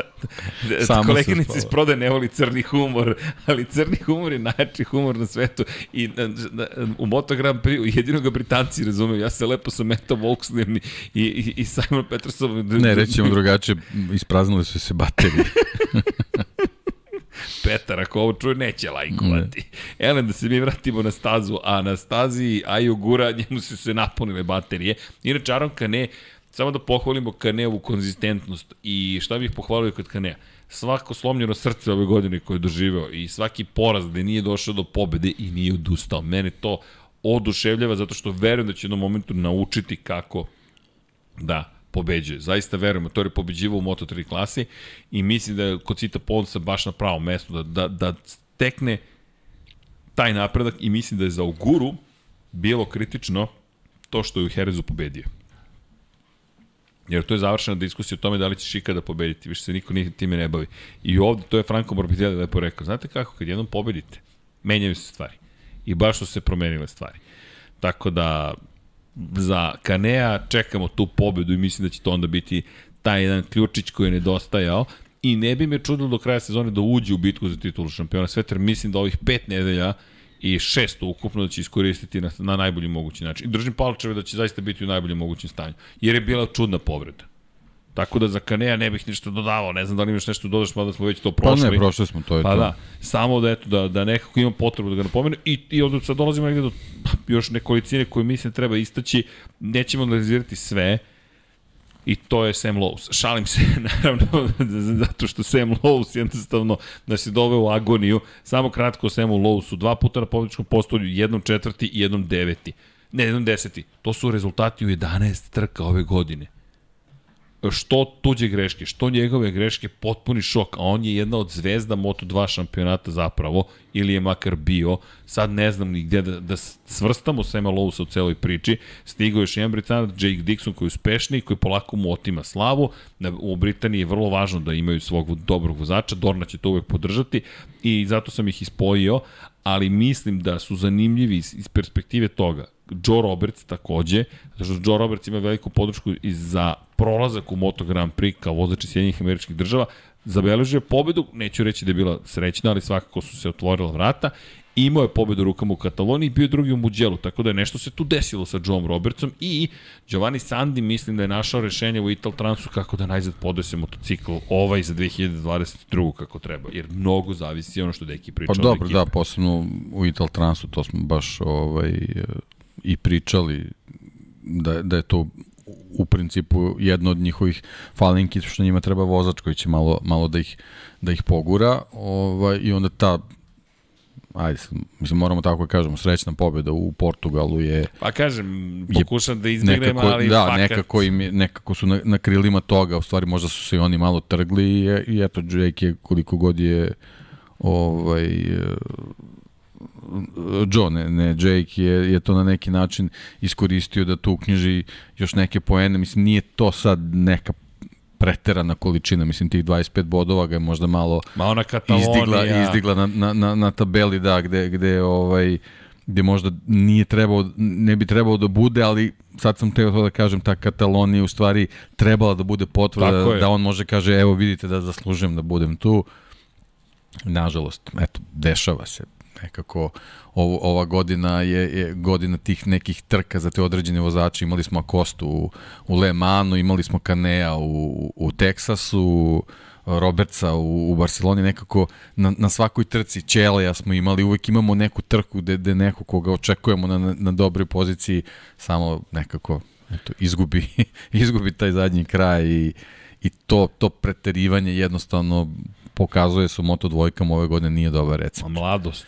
pa dobro, da, to je, zavisi kako kod koga neki, neki su i, i iskusni, pa eto, de, dešavaju se te stvari, ali dobro. Da, za, mislim da, da, da, da za Joe Robertsa, ha, vazi sad ta priča, moram da se vratim na kratko, je možda psihološki podjednako teško to što gleda ekipu koji je odbio kako postaje možda i najpoželjniji tim u Moto Grand Pa dobro, naj, najgore kad u tim godinama kreneš sa tim šta bi bilo kad bi bilo. Ali da li možeš da onda, da se otmeš utisku? Pa sigurno negde u malom mozgu mora da bude to, ali opet vraćam se to što si rekao, da, da nije bilo to kiksa u Kataloniji, on bi ove godine imao o, svaku trku završenu u poenima.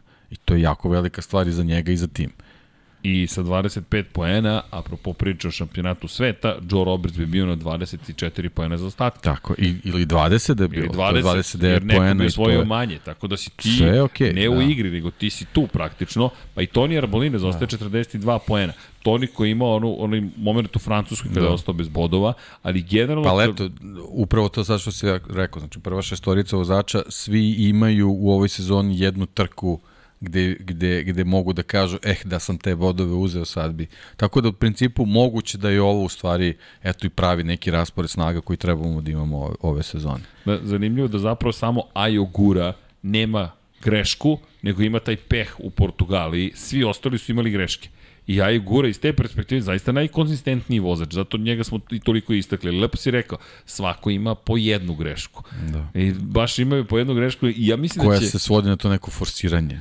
A želja. Želja da uradiš želja. nešto više nego što i potrebno, a i, a i, a i mogućnosti motocikla su ipak ograničene. Ja da. sam i dan danas šokiran da je u petoj krivini izleteo Joe Roberts u Barceloni. Da, stalno pričamo to skretanje u levo, posle XY skretanje u desno, ali ne očekuješ da će tu da pogreši da, nije, u sred Nije takva krivina. Nije takva krivina, ti znaš kakva je i, i, i u petoj izleteo. Pa zašto u petoj? Ali to je to. Negde si, već ti je glava tamo negde na cilju. Negde, da, da, da, da, u daljini razmišljaš, brojiš, ko zna šta.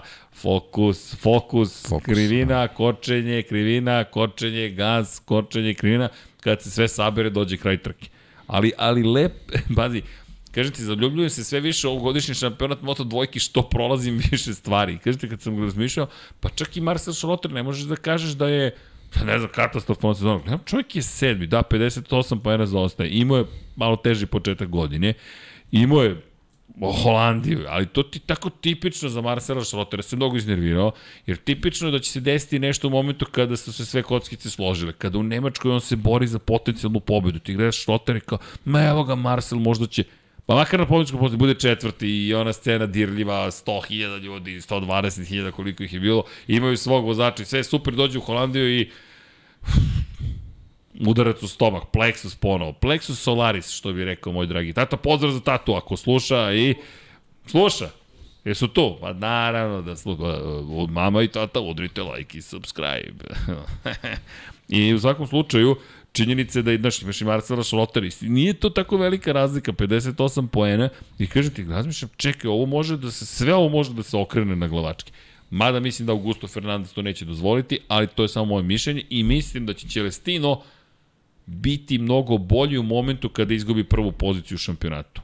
Jer mislim da će se to desiti. To je samo moje mišljenje naravno, ali zaista mislim da će Ćele u tom momentu imati taj trenutak, ej, čekaj malo. Jer tada se menja na, način pristupa trkanju. Ti tada više nisi vodeći i to je ono što smo, evo, pa možemo se vratimo i sada na, na trku Formula 1. Ti si vodeći, menja se način na koji ti se trkaš. Pratiti je lakše nego voditi. Za mnoge vozače. I eto, to, to mi, ali to mi, zato mislim da će Fernandez tu ipak da neke stvari kaže, ne, ne, ne, nećemo tako da se igramo. I ne znam da li bi istakao nekoga posebnog od, od onih koji su slabije plasirani, mislim da u dvojici vozača moramo da popričamo, baš zahvaljujući reputaciji, Fermin Aldegir i naravno Alonso Aldeguer. Lopez. Aldeguer. ja se, Aldeguer. Ne, ne, okej, okej. Ali Fermin koji je, ja mislim, dobio baš vatreno krštenje. Celestino nije bio, nije bio nežan uopšte. U Argentini ono je bilo surovo, odbrana pozicije. Da, nevjerojatno tog trenutka drugog vozača imamo potpuno. A i on je priznao da je angažao da. sportskog psihologa da mu pomogne da se vrati na nivo na kojem je bio. Da, ali to je Moto2 kategorija, ona, ona je stvarno presek, to što se rekao, ta, ta, ta, ta Moto trojke, nekako ti vozači dolaze tu iz, iz sličnih kategorija jako i, i nekako taj, taj prelaz nije, nije tako velik, ali kad dođeš u dvojke, stvarno si došao u ozbiljan, u svet ozbiljnih trkača. I neko ko, ko, ko nije dovoljno sazreo, znamo da tu mladi momci zaista dolaze, uh, kad se desi takav šok, verovatno je jako teško da, da, da, da se posle njega vratiš u, u, u kolosek u kom si bio i, i u tom neko, ne, neko svoje psihološko ovaj, uh, podešavanje koje si imao do tada. Pa ja verovatno, mislim, je, verovatno je velik, velika promena. Ja mislim da je Moto2 sazrevanje. Da je sazrevanje malo izgubio Moto2 šampionat na na, rekao bih, sjaju koji imala kategoriju 250 kubika nekada davno i zašto? Zato što su 250-ici zaista privlačili mnogo, ne kažem da Moto2 ne privlači pažnju, ali neko je postao baš jasna stepenica ka Moto Grand Prix. I mislim da je tu baš zahtevno. Zašto? U Moto trojkama privlačiš pažnju pa privlačiš. Jer najčešće, neverovatno Ne, tu mi svi gledaju ko je došao. Da, i još jedna stvar, svi gledaju kraj trke. Da. Poslednja dva kruga, moraš da pogledaš, start i poslednja dva kruga, da. iako mene zabavljaju svi krugovi, ali poslednja dva kruga budimo realni. Svi, inače, nisam baš radio anketu, ali kroz sve razgovore sa ljudima koji su konstantno na trkama na stazi, predstavnicima drugih medija, Dorne i tako dalje, tehničkih lica, stav je sledeći. Moto trojke, moto, to jest Moto Grand Prix, Moto trojke, pa onda Moto dvojke. Zato što i to taj moment kup takmičenja dovede do toga da često imate toliko svako kup takmičenja je vrlo tu zahtevno zapravo da dođete do nekog velikog broja preticanja ili ne znam nija čega što će biti uzbudljivo samo po sebi na prvi pogled. Kod Moto trojke to nije slučaj, onda to se nekako to, baš to gleda. To nije bio slučaj 250 kubika. A, a to nije bio slučaj, ne, od 250 da. kubika slučaj je bio da ste imali uh, dva... Polu, polu prototipove, malo se ne. Bukvalno, pa te, te, da. to, to su i dan danas mašine koje su, e da, da. stigla nam je Aprilia naša 125 RS, uh, sportska replika, Tako da smo preuzeli motocikl Vanja i ekipa su se danas silno zabavljali sa motociklom, ali imaju predloge ovde Deki i Vanja. Hoće da mi rasklapaju motocikl na delove sastavne, da motor stoji ovde, da motocikl bude gore, da šasija bude na zidu. Pa dobro ljudi, imate li, imate li srce? Imamo. I, I sastavljeno od sus motora. ne da moju Apriliju, ali šalim se, naravno, vidjet ćemo gde ćemo sa Aprilijom, nemam pojma, ali ćemo. Da, inače, ako neko želi da I moramo da zovemo Filipa, ćemo sigurno zvati našeg dragog Fikija Laudu, ukoliko želi livre da nam uradi za motocikl, to ćemo biti vrlo zahvalni, pa i za kacige. Inače, šta se lepo desilo ove sezone? Podsjećam, ko želi kacigu, Valentina Rossi je potrebno, neka igra kviz, a ovo kacigu vam ne damo. Ovo je naša kaciga koju nam je gospodin Miodrag Kotor, šef ekipe Leopard Racinga, poklonio, a potpisao nam je ni manje ni više Lorenzo Dalla Porta i to je poklon. I to je još jedan vozač iz Moto2 koje moramo Ko da pričamo. moramo da pričamo, tako je. Šta ćemo sa nekadašnjim svetskim šampionom? Moto 3 sledećeg meseca, kaže Vanja. Ne, pa nažalost, nemaš u Moto trojkama toliko mogućnost analize, imaš, izdvojilo se nekolicina pa da, njih. Samo, da. Jednostavno, to, to. to su neki novi klinci, Moto je šampionat, nema ni mnogo trka, pa sad kažeš, analiziraš, kažeš Dominik Egerter i već si pokrio 35% analize, ali Moto dvojke su zaista zaista mnogo važne. Ali htio sam da kažem malo pre apropo kategorije. Nekako nisi toliko u centru pažnje, a opet toliko važna kategorija. Toliko važna kategorija i baš je sazrevanje. I sazrevanje da u momentu kada nisu baš svi reflektori uprti u tebe, ti kažeš ja i dalje ovo želim. To je moj put dalje. Jer to je isto neka vrsta ozbiljnog testa, malo drugačiji nego ranije, a to je test. Ok, jel hoćeš ti zaista ovo? Hoćeš, o, jel toliko želiš ovo?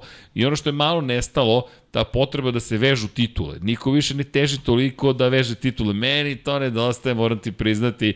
Ja bih voleo da, da, da, da, da to bude nekako plan. Kaže, ej, čekaj, ne, moram da osvojim titulu u Moto trojkama, pa ću onda u Moto dvojke. Ma kakav crni Valentino Rossi, sad ću da ga skinem sa najboljih, sa, sa, sa spiska ne najboljih, nije najbolji na kraju po pitanju pa da, broja pobjede to je, to je nekako, nekako trend, opet ako povlačimo paralelu sa automobilizmom, momcima u Formuli 3 i 2 praktično nije toliko ni bitno da se osvoji titula, ne. osim, osim ako imaju to iz finansijskih razloga dobar put za dalje. Tako je. Inače, ako, ako si već u nekom projektu o kojem smo juče pričali, tebe, tebe samo zanima da sedneš u Formulu 1. Znači, I tu, ovo su tu sve prolazne stanice karijera. i to nije dobro. I, je, tako je, to, to nije, dobro. nije dobro. I to, to ono što me malo zabrinjava, da niko više ne želi da objedini titul.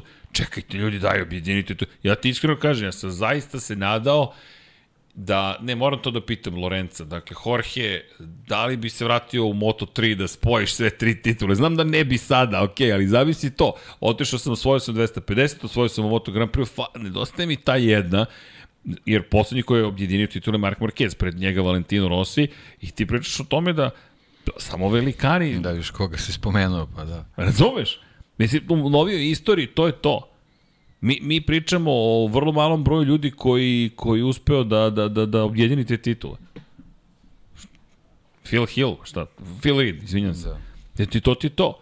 Imaš tri čoveka koji su istoriji to postigli, a sad se niko više time ni ne bavi, nažalost. Delo mi da se ne bavi, ima još jedan problem. Moto trojke, fizički ih prerastete mnogo brzo. Moto trojke, mnogo njih preraste fizički.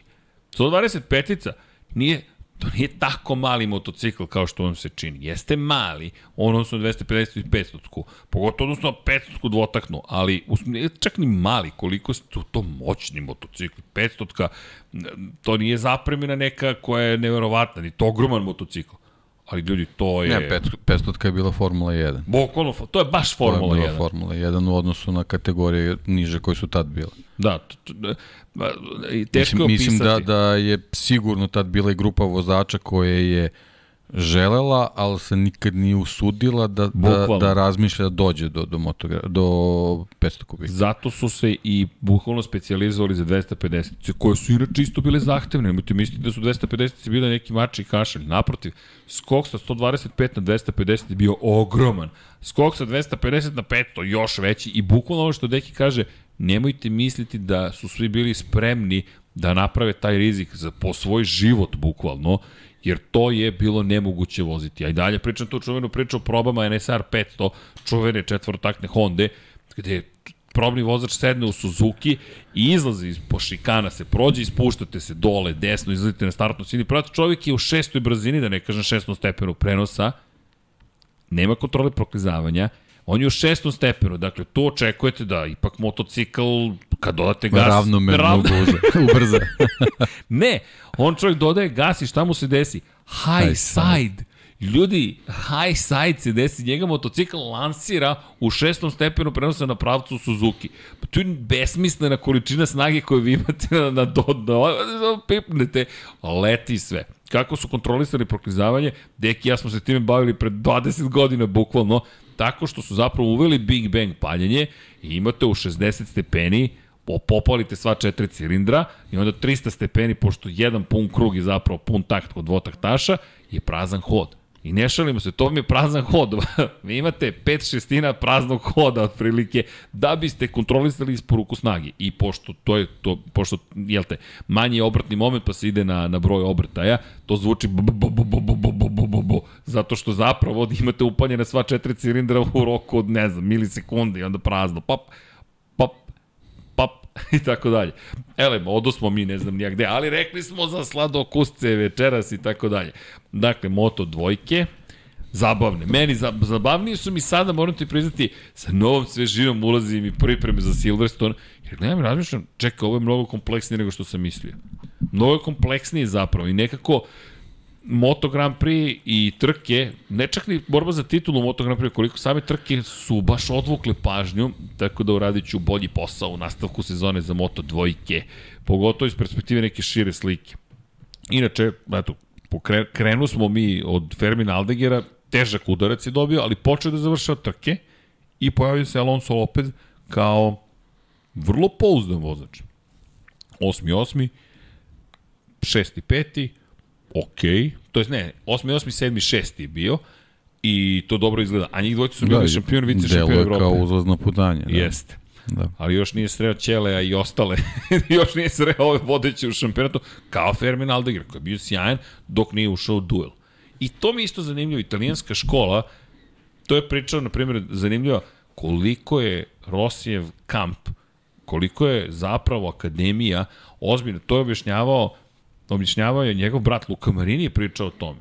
Oni ljudi uče i to duel. Italijanska škola je inače u motociklizmu pa, poznata po Vraćam se ono što sam rekao na početku. Valentino Rossi je rekao da čitavo leto radio sa Celestinom Vijetima. Ako neko zna da ti prenese cake iz duela... E, pa ko je e, kralj Tako da ratnik da, je jedno... Je, to, je ta, to je ta škola koja, koja mora da se prođe da bi, da bi bio uspešan u svetskom šampionatu. Ko prati podcaste, a još nije kupio knjigu, topla preporuka za ljubitelje Moto Grand Prix-a. Evo ga. I jedno od poglavlja je Kralj ratnik u kojem piše Matt Oaksley kako je zapravo promenio način na koji se trkaju u duelima u Moto Grand Prix.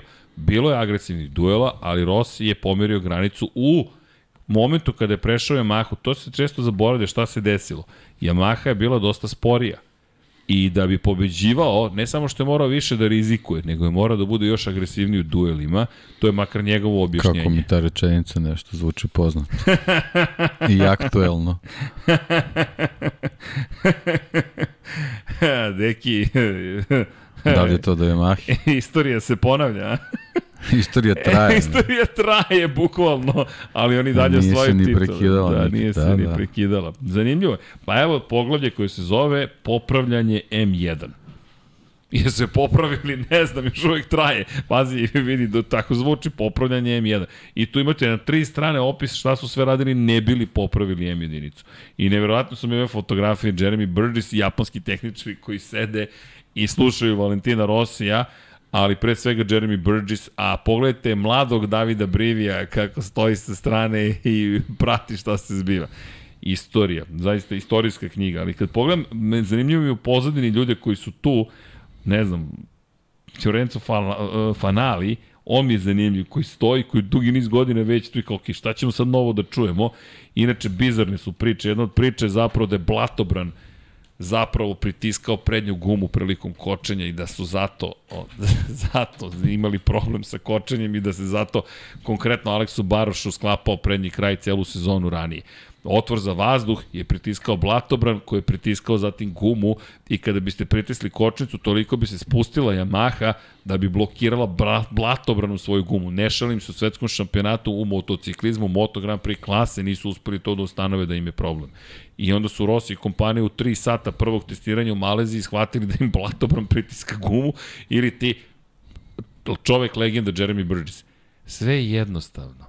I onda je rekao, podignite za 15 mm prednji kraj. Molim za 15 mm, to me kao da ste uzeli za metar i po motocikl produžili i tako. Istorija se nastavlja i dalje, ali da se vratimo na moto dvojke, ja ne znam da, da li će uspeti da završimo moto dvojke. Hoćemo, naravno, hoćemo da spomenemo i honorable mention Lorenzo Dalla Porta, Lorenzo Dalla Porta, ne znam šta bih ti rekao više, deki. On je imao baš ružnu povredu ramena, fakat, ali toliko je dugo već sada u klasi u Ital Transu da oba, ne znam šta je sledeće stanice. I Lorenzo inače dobre volje i on veruje duboko da je samo pitanje trenutka kada će ponovo moći da vozi onako kako je ranije vozio, ali iskreno ja mislim da je njemu potrebna promena atmosfere, okruženja. Pa, to sam sad teo da kažem, da, da se ne ponavljamo. Ekipa, ekipa, ekipa. Mislim da zaista mora da promeni, jer Lorenzo nije osvojio titulu tek tako, Lorenzo nije bio juniorski šampion sveta tek tako,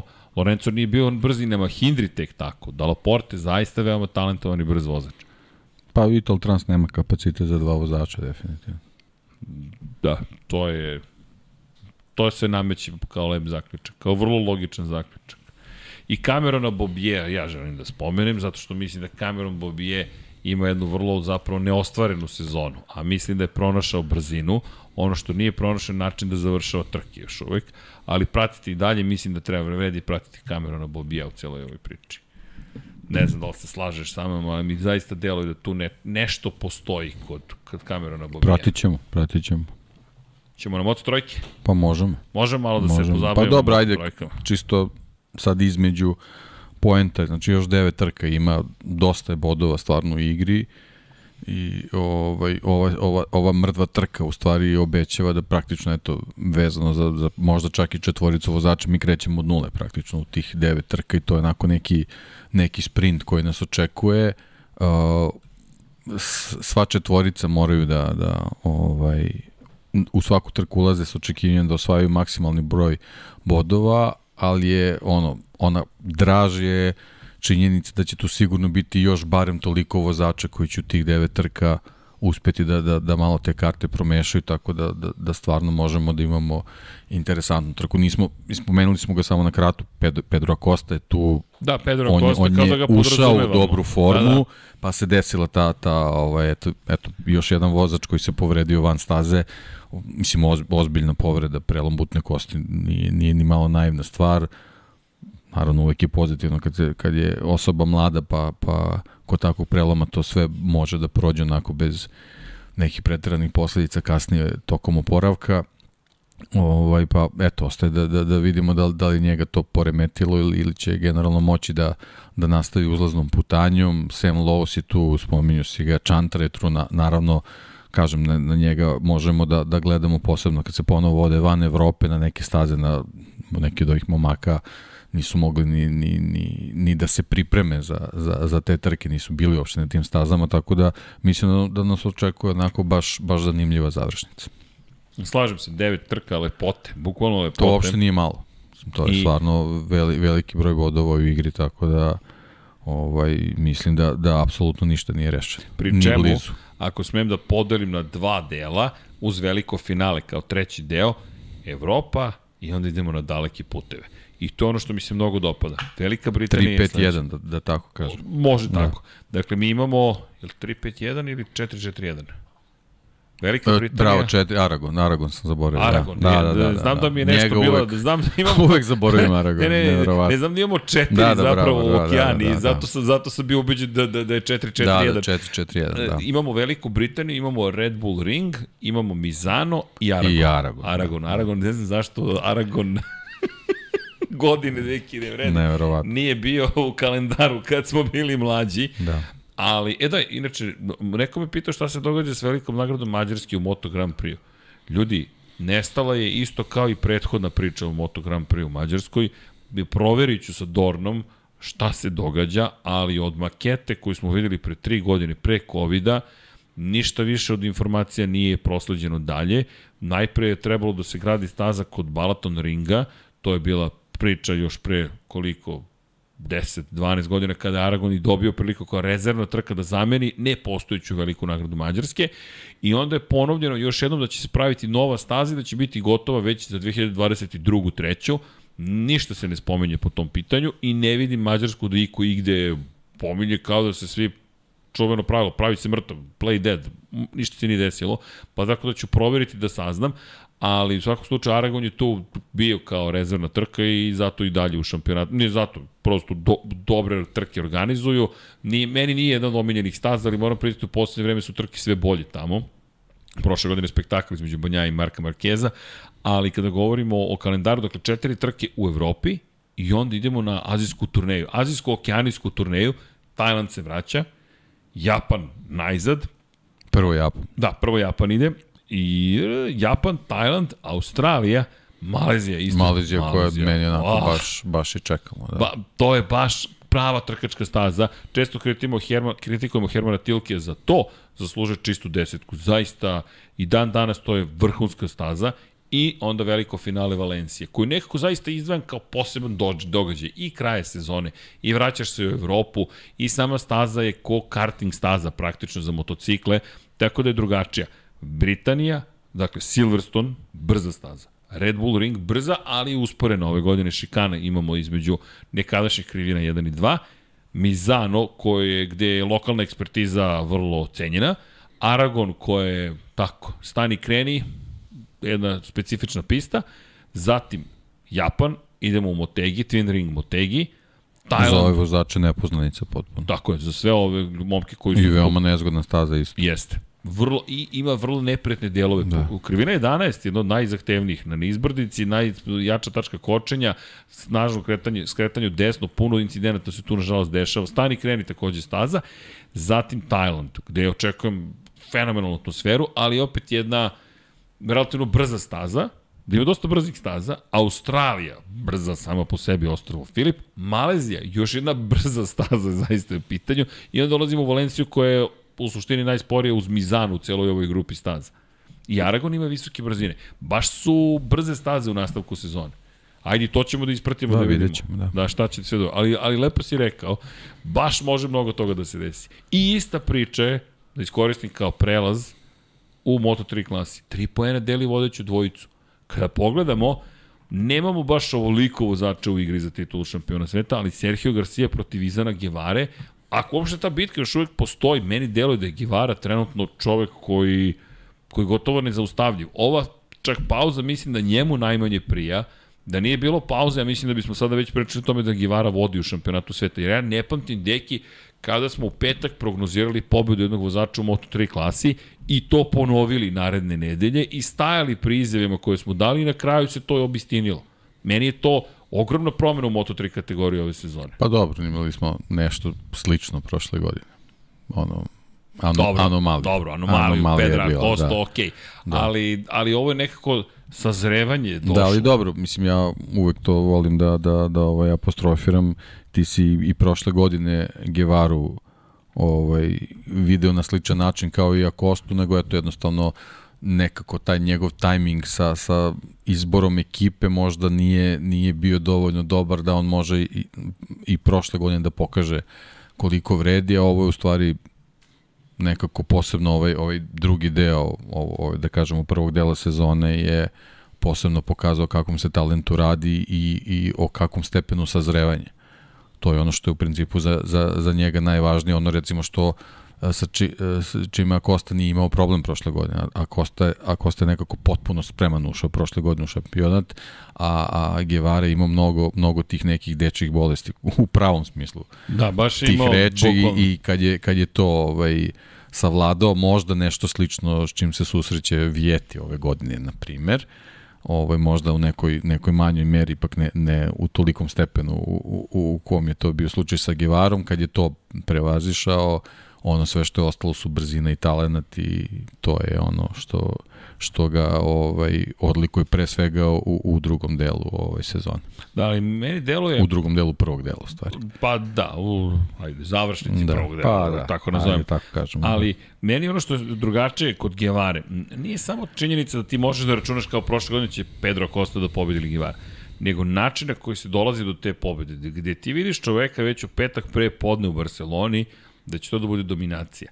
Pedro Costa nije imao nužno dominacije. Pedro Costa je bio fantastičan u duelima i ti si baš... Ja, Pedro Costa, mislim što je on, ovaj, ajde sad malo sad ćemo mešati možda da, da, da ovaj Moto2, on je, on je sam rekao koliko mu je bilo teško da se, da se privikne na, na Moto, Moto dvojke i, i, i zaista je priznao da nije ni on očekivao da će toliko biti, da će toliko vremena biti potrebno, ali ono što je, što je priznao je da, da je njegov u stvari uh, možemo kažemo najslabije tačka taj jedan brzi krug koji mu treba. I to mu se konstantno ponavlja. E, to je nešto što kod Gevare mi deluje da, da, da nije neki specijalan problem. Kad je potrebno vozi se taj brzi krug i to je to. Da, i, i zato bilo, mi... bilo u kvalifikacijama, bilo, bilo u trci. Da, da, pa meni je fascinantno zaista bilo to što, što gledaš i možeš da najaviš da će voziti de facto Moto2, to je Moto Grand Prix trku. To mi je fascinantno kod Gevare. I u Nemačkoj i Kataloniji, da ti kažeš, ok, ljudi, Samo je pitanje trenutka kada povede da li će iko moći da isprati taj tempo. I sad zavetrena je bila čuvena magična reč, magični napitak, samo ga prati, zavetreno uhvati i ne možeš ti pobegne. Ne, oni ne mogu da ga isprate ljudi nikako. Ne, ništa ne postoji što može da ga, što njega će zaustaviti ukoliko mu date da povede. Da, i to je ono što si rekao, malo, malo i ta ovaj promena tog pristupa možda u Moto Trojka, mi nemamo više one, one, one zmije i one, Nemo. one beskonačne promene smera kretanja na pravcima i, i očigledno da, da su i vozači malo zreli ušli u ovu sezonu što mnogo više odgovara tim, tim uh, uh, tom profilu motociklista koji, koji mogu to da iskoriste da, da, da pobegnu grupi. I to je ono što, što, što Gevari prija u ovoj sezoni. Jer ako pogledaš Moto3 šampionat kako je počeo, a Jumu Sasaki dominirao prvom trkom. Da nije napravio grešku, da. da ga motor ne izbacio pa polomio nosač oplate i mora da odustane, to je bila pobeda od 6 sekundi prednosti. To je, to je Katar, to je početak sezone. Andreja Minjo nasleđuje, nasleđuje, nasleđuje ta grupa priliku da se bori za pobedu, Minjo, Minjo pobeđuje, to je početak sezone. U Indoneziji imamo situaciju koju niko nije mogao pratiti Denisa Fođu. Jasno je bilo kada je poveo, ode Fođe. Bukvalno Denis Fođe u Leopard Racingu za koga smo rekli da ima ogromne šanse da postane šampion sveta. Da ta trka u stvari pomislili smo da je to u stvari tako ćemo gledati Fođu na svim sledećim trkama. Bukvalno. I Fođa inače potvrdio naredne dve trke da je to to. Drugo mesto, drugo mesto. Kao, ok, Portugal, kao neki izuzetak osma pozicija, ali onda dolazi Španija, sad dolaze neki problemi, pričat ćemo i o tome, nego samo delovalo da, da, se, da je način pobede da dođeš do, da, da izdominiraš. U Argentini Sergio Garcia nije izdominirao, ali njegov završni krug, kada deluje da je sve gotovo, drugi, prvi, čao. Izgledalo je moćno, zaista izgledalo moćno. Jaume Masija potom dolazi na red. Pazi, Jaume Masija koji se pojavljuje u Americi, I kažeš, čekaj, šta se sad ljudi ovde izbiva? Ko ovde pobeđuje? Kako, ko, zašto? Inače, druga pobeda Serhije Garcije, međutim, Guevara počinje polako tu da dolazi do izražaja. U Španiji beleži prvu pobedu ove sezone, drugu u karijeru i prva baš pobeda da kažeš nije pravilnik utica i tako dalje. I polako se stvari razvijaju. Jaume Masija ponovo uzvratio u Francuskoj, Sergio Garcia se ponovo pojavio u Mugello. Nevjerojatno je koliko puta je pobedio Sergio Garcia i onda dolaze te dve trke u kojoj Izan Guevara kaže ne, ovo je način od, ka, na koji od sada mora da se vozi i pobeđuje. I naravno Jumu svaki kao junak u Holandiji, posle onog stravičnog pada koji de facto više uticao na Đame Masiju. Meni je Masija, nevjerovatno mi je zapravo koliko je na Masiju uticalo to što je pregazio bukvalno Jumu Sasakija, za one koji nisu pratili mu djelo je prešao preko Jumua, a Jumu se oporavio među vremenu zabeležio pobedu. Đaume se još nije oporavio od tog incidenta u kojem je učestvovao. Samo koliko je psihologija ljudi kod svih nas važna. Mi smo došli u situaciju da da, da, da imamo vozača koji ne može da se oporavi od, od te scene, da nekoga gazi, ali taj neko se oporavio među vremenu i zabeležio pobedu. Dakle, sve je okej okay ako pogledamo neku širu sliku. Teško je. Jednostavno teško je, vi ste prešli preko živog bića. Pričamo malo pre o psu, o živki, ljudi, stres je, ako mala je mnogo, mota se, ako je nagazite, krivo vam bude, zaudi ste prešli motociklom preko čoveka. I Jaume Mas je tu nestao, de facto on je nestao posle toga. Od te Italije njega nema. 0 poena, 8 poena, 4 poena i pad. Nema, nema Jaume Masije. A s druge strane imamo Gevaru koja eto, dolazi do toga da, da, da definiše kako da voziš, pa i Denis Fođe je to pokazao na neki način. Ono što je mene frapiralo kao, sa, kao otkriće jeste da Denis Fođa nema strategiju. Što negde počinje da se vidi polako, jer u ovoj sezoni nema opet iste priče. Nema zmije, nema gužve, nema frke, ne možeš na taj način da pobediš, moraš da isplaniraš svoju trku. A Denis Vođa kaže nemam plan, nemam strategiju. Sednem i vozim najbrže što mogu.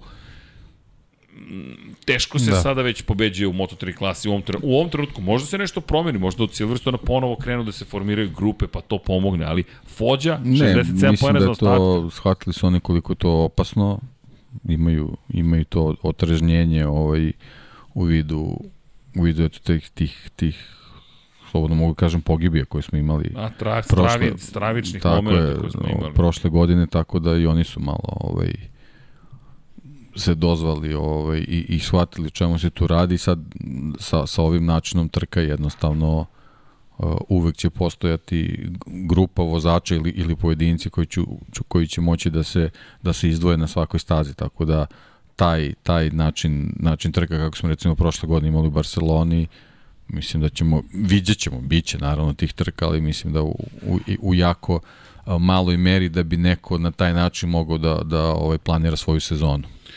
Izvini, tu su nam pokrovitelji. To je ekipa iz refraktora.rs. Milica i Ivan su nam stigli. Dobro veče. Savršeni talas piše na majici. Savršeni talas je stigao. Živko niste probudili, nadam se.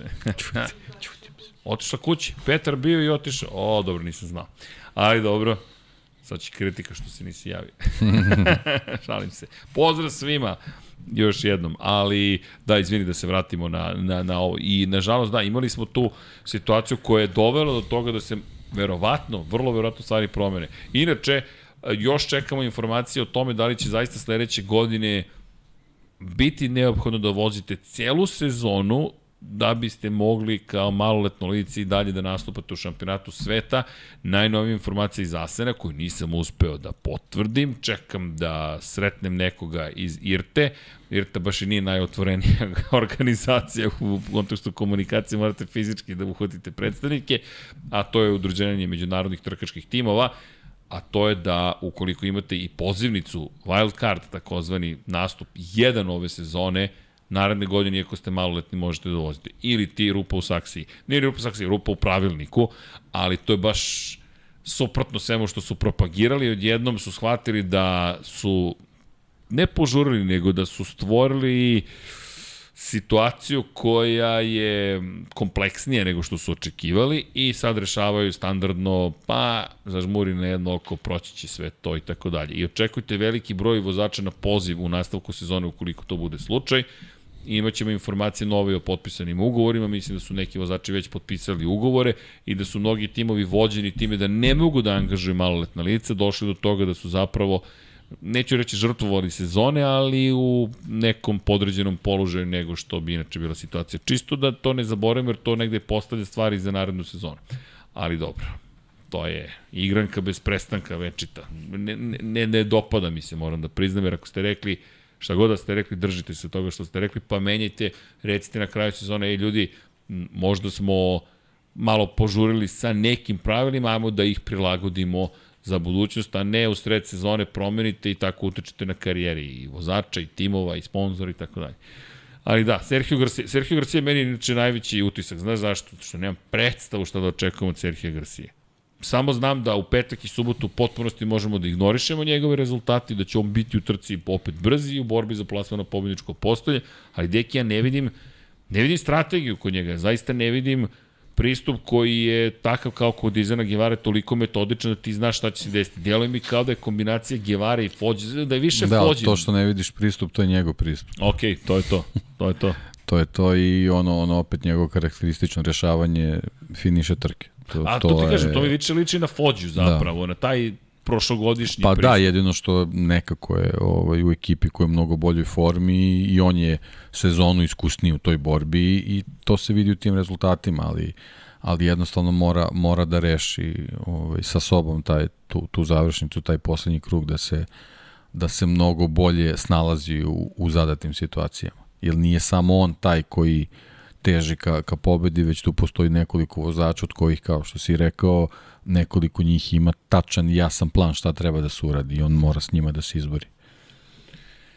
Sergio Garcia. Da. Dobro, ja se nadam da će samo nastaviti ovako, će biti uzbudljivo između njega i Gevara, jer on nam je potreban u suprotnom Gevara ukoliko nastavi s ovim maršom kroz Moto3 kategoriju u naredne tri trke, ukoliko se ovaj niz na, nastavi, možemo doći u situaciju da će biti gotovo nemoguće ispratiti Givaru. Naravno, nema predstav kako leto prošlo, ko se kako pripremio, ko, ja mislim da će Givara biti veoma spreman, zato što mislim da je Givara bukvalno čovjek na misiji. Inače, ako tražite projekat slično onome što smo juče pričali u Formuli 1, Givara vam je bukvalno projekat. Izan Givara je deo tima koji u njega investira već godinama i koji duboko veruje, da je on taj koji će biti velika zvezda zapravo kompletnog šampionata. Na sličan način, ali ne u toj meri je Jorge Martin posmatran, koji danas vozi za Ducati. Znači, zabavna trka Ducati Vik, moram da spomenem, da li neko pitanje bilo obavestio ne u Bastianinija i, i Jorge Martin da ovo revijalna trka. Da, moj odgovor je bio da li mislite da u njihovim glavama postoji revijalna trka. Dakle, oni su na stazi, nema revijalne trke, još se trkaju za opet kakva simbolika za drugo mesto u, u fabričkom timu Ducatija i naravno da, da, da naravno da su se trkali. Šta, šta drugo očekujete od njih? To su trkači. I baš za njih dvojicu. Neko drugi možda bi, ali to se meni dalje dopada. Znaš, kao, to je taj duh. Trkamo se. Pa pobedit ću te, me nećeš. Da. Ali drevi je, Dobro, dobra prilika za trening. Svaku priliku dobra prilika da se, za trening. Svaka prilika da se iskoristi. to definitivno. Ali eto, kažem, Izan Givara mi deluje kao da je to to, projekat i da će on biti veoma spreman za nastavak sezona. I baš mi je fokus na njima dvojici, a i, oprostite, aj Gura, prebacite se na Denis Fođe koji je na trećem mestu, je, ja mislim, već u Moto2 klasi i vođena i kvarovi i problemi koje je imao ne pomažu svakako u, nastavku sezone.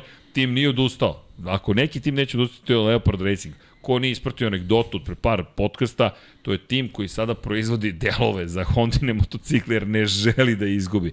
Toliko Leopard Racingu i posvećenosti, što ekipe, što Miodraga Kotora, što svih u tom timu, zaista nevjerojatna ekipa.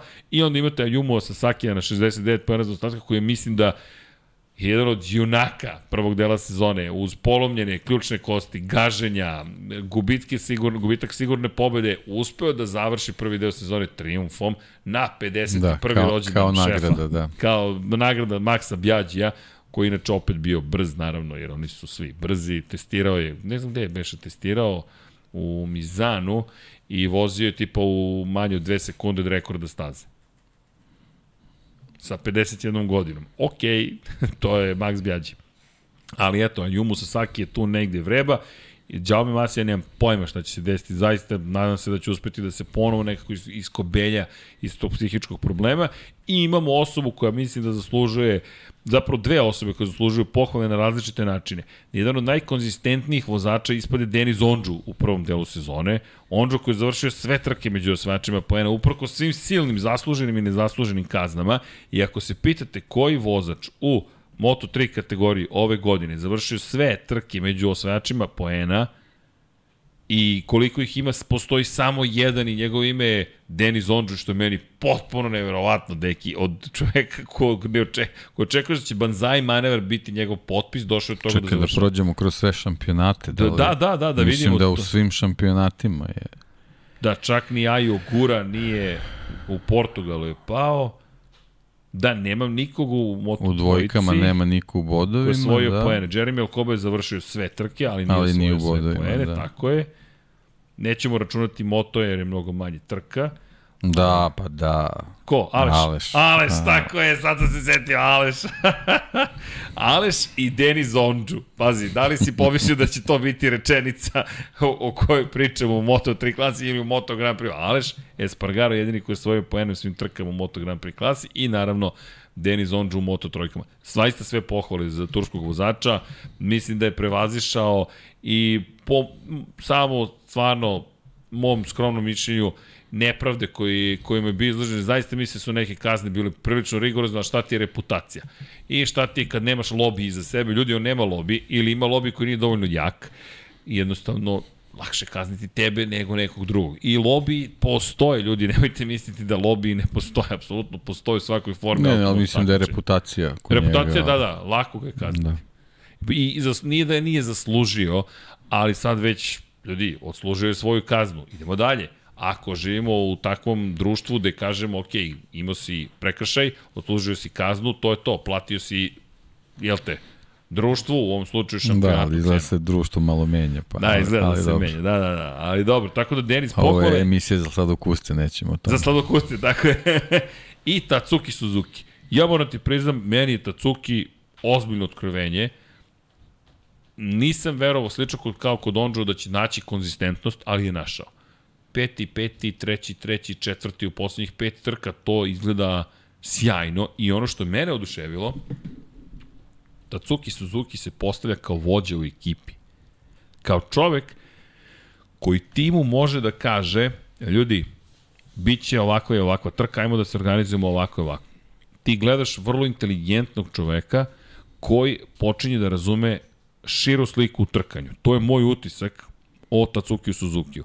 Ne, još to nisu pobede, ali Tatsuki je non stop tu. Tatsu postaje, odomaćio se u timu Leopard Racinga i mislim da dobija adekvatnu podršku koja mu je potrebna bila.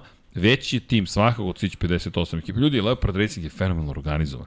Ne, nemojte nekog trenutka pomisliti da tu manjka išta organizaciji. Naprotiv, ne osvajaju se titule tek tako.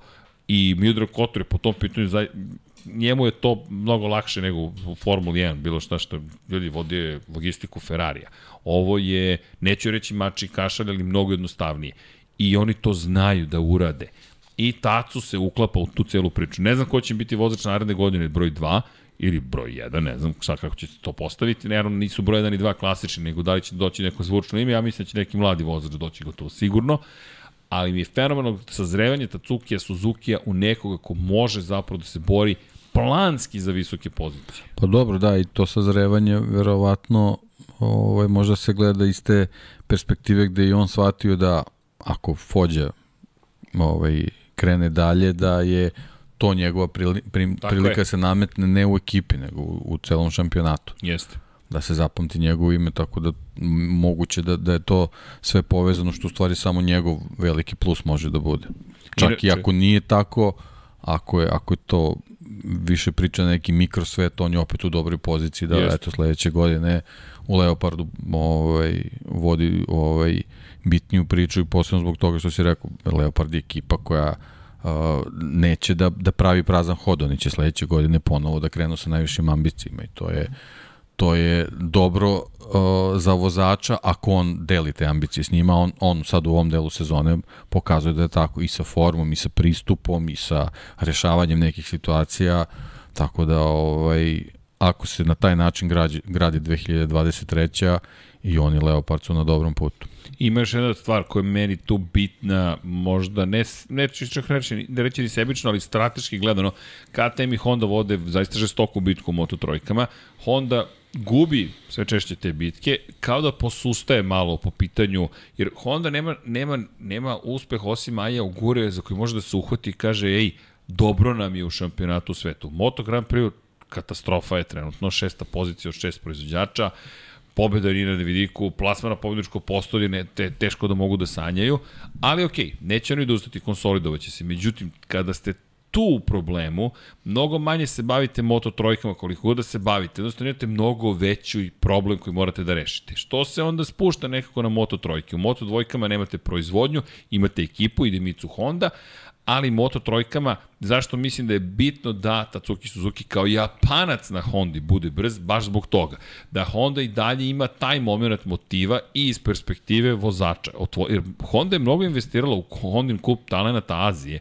To je kup talenata Azije gde se koristi Honda. Red Bullov kup Novajlija koristi KTM. I vrlo je jasno, i Dorna je to pametno podelila. Evo Hondi Azija, evo KTM u Evropa i ok. Pa sad kad ovako razmisliš od, od pre dve sezone i onog naleta uh, Masije u jednom trenutku, to je to u zadnje tri sezone. Ogura i Masija. I što se tiče Honda. Da, i to je, to je... Ništa nije drugo bilo u nekom dužem periodu da je bilo vezano. Fođa, ali čak ni Fođa pa, dobro, nije imao da, to. Ajde, da, ajde, da, moramo zato što ipak je do poslednje trke bio, bio ali titul. to nije, nije delovalo ta, tako, tako ne, sigurno. nema toga. Tako od, čvrsto. Od Joana Mira Honda nema nema takvog vozača. Mir je da. zabeležio 10 pobjeda sa Hondom u Moto3 šampionatu. Govorimo o Moto trojkama, nije tu... To je dominacija kad Tako pričaš je, o Moto trojkama. To je dominacija bukvalno, to je sada zaboravljeno, ali on je izdominirao čovek, on je 2017. godine bio nezaustavljiv, bukvalno, bukvalno nezaustavljiv. Čak ni uzastopne pobjede Lorenza Dalla Porte nisu toliko upečatljive. To je negde poslednja baš dominacija dominacija. Ali ono što mi je zanimljivo jeste to. Japanac, Ayogura, negde da se uhvatimo za to da kažemo, ok, Honda mora da ostane u Moto trojkama, jer ako Honda izađe iz Moto trojke, mi imamo kup takmičenja. Mi imamo katastrofu, zato što mi onda imamo KTM koji se samo zove Husqvarna, CF Moto, Pa drugačije brend, brendirani motocikli, kao drugo. da su sponzori drugi. Tako je, samo je badge nije promenjen. Da. A, a, a pritom kod CF Moto, a čak ni badge, jer CF Moto i KTM imaju saradnju, tehničku saradnju. CF Moto nije u vlasništvu KTM-a, kao što su Gas Gas i Husqvarna, gde su sklonjeni KTM-ove oznake, sklonjene, ako CF Moto piše lepo KTM motocikl. Tako da, zato mislim da je i ovo bitno što se događa, i Ayumu Sasaki, ako vozi za Husqvarnu, uspesi Japanaca mislim da su važni, jer Honda je jedina koja u nižim kategorijama otvara vrata japanskim vozačima. Yamaha se tek pojavila sa Master Campom, pa ćemo da vidimo šta će da se desi, ali to je sve tek početak. Honda već decenijama, godinama pokušava, sada već više od jedne decenije, kada smo uveli Moto trojke, pokušava da otvori prosto prolaz japanskim vozačima.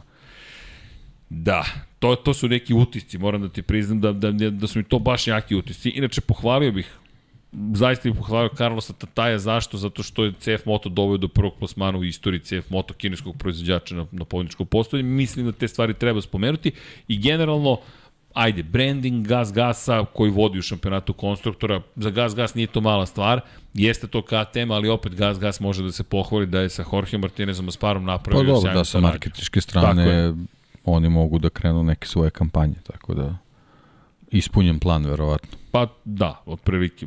To baš može da se lepo kaže.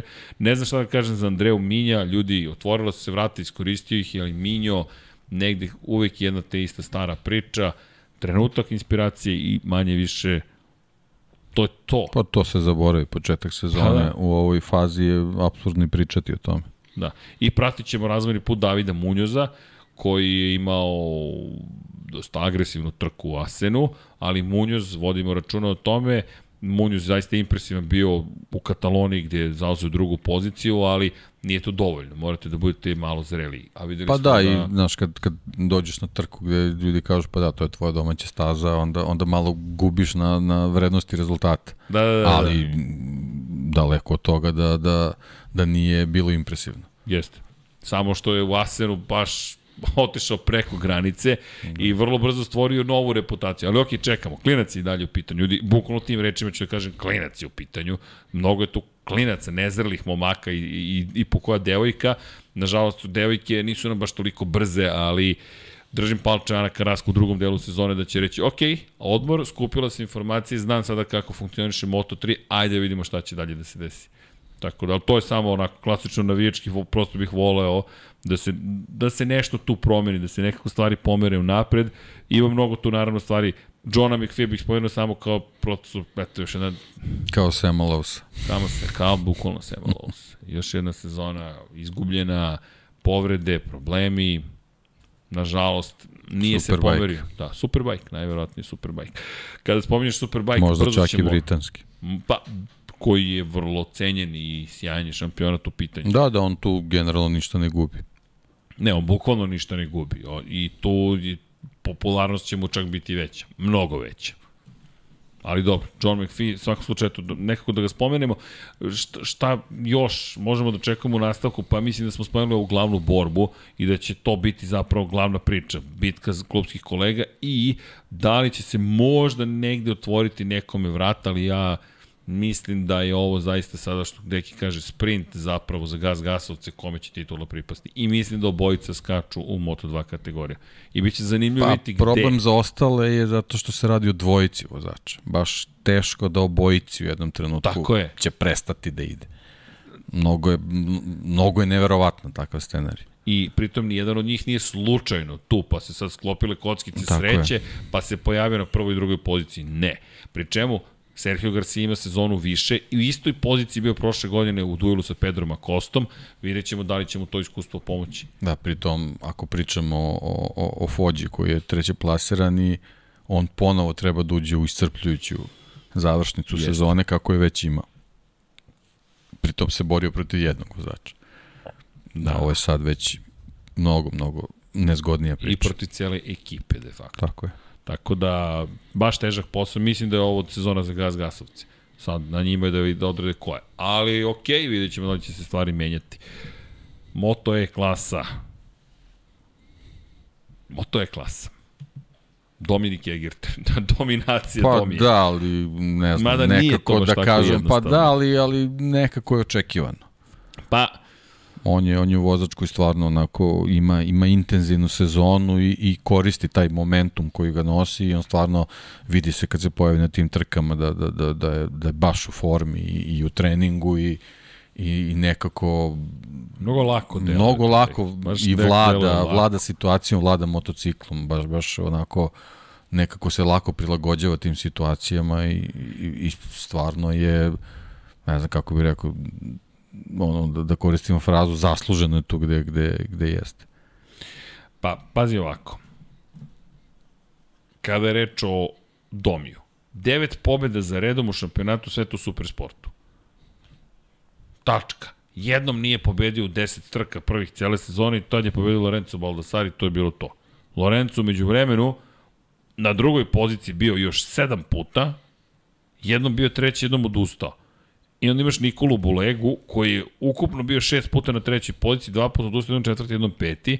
I vidi se razlika u klasi. Imaš Džana Ondžo koji je dva puta bio treći, pa kombinacija četvrtih, petih mesta i odustajanja i to je to. I sad ti imaš Domija, koji pritom posećuje i staze koje će voziti u Moto E klasi, koji je u fantastičnoj formi, mega raspoložen, ide ka sigurnoj tituli, šanse da mu neko otme titulu postoje, konkretno Lorenzo Baldassari, ali ljudi, to su zaista male šanse. Ja re, realno ne vidim da će se to desiti i onda dođeš u Moto E šampionat gde ti zapravo završavaš posao neophodno ti se otvore ponovo vrata Moto 2 kategorije svetskog šampionata. Koga bih pohvalio takođe?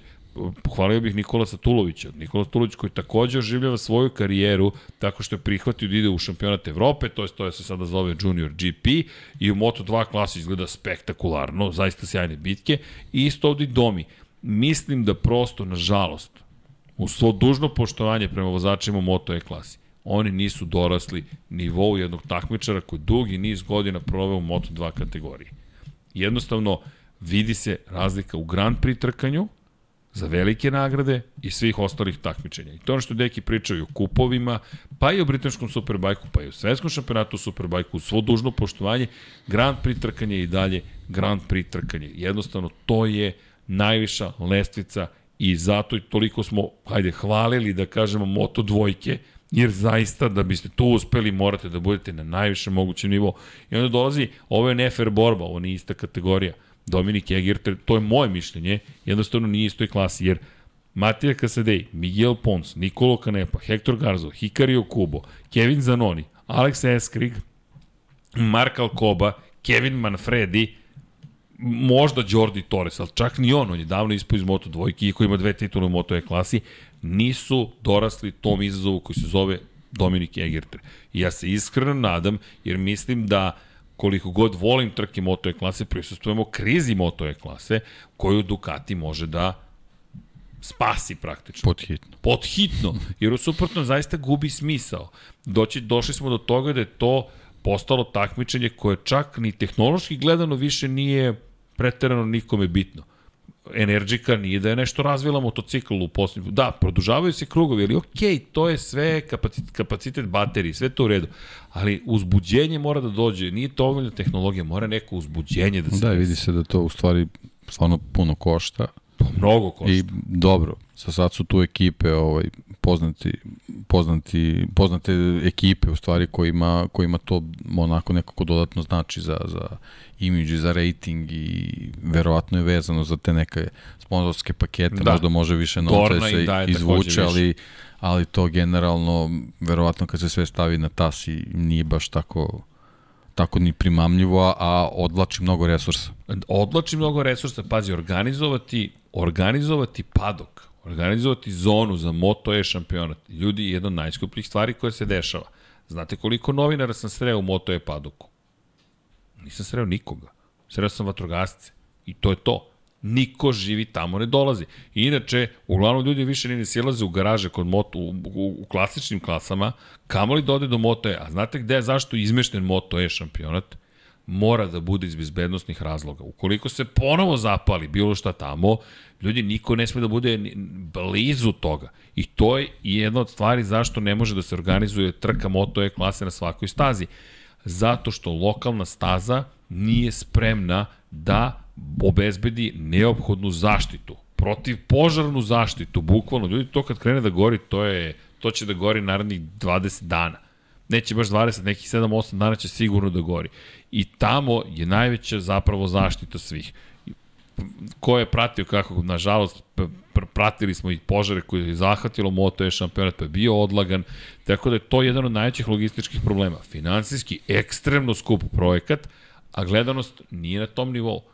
I bez obzira što je trka u Holandiji bila zaista fenomenalna, to je bilo, bilo spektakularno gledati, Pa do i publika bila sjajna. Tako Videlo je. se koliko odlaganja niko nije napustio tribine. I to je, tako i za drugu trku isto. Ok, podrška vozačima, ali ono što nedostaje jeste taj moment drame. Daj mi neku dramu, daj mi heroja, daj mi junaka, daj mi nešto postalo je takmičenje, e, nemam drugog izbora, ajde da vozim Moto E da bih mogao da nekako se predstavim ili da budem u dodiru sa ekipom, pa možda Upravo skočim to. u Moto 2. To je, to je ispalo kao, kao glavna motivacija i za vozača i neki od ekipa. Pa da. I ako je to motiv, onda, onda ono ostalo pa do druge plani, onda nije dobar koncept kompletno. Nije dobar koncept i drugo, da mladi vozači ne smeju da odu u Moto E klasu. Šta ćeš u Moto E klasu? Da li ćeš ikada više otvoriti sebi prolaz da dođeš u Moto 3, Moto 2, Moto Grand Prix?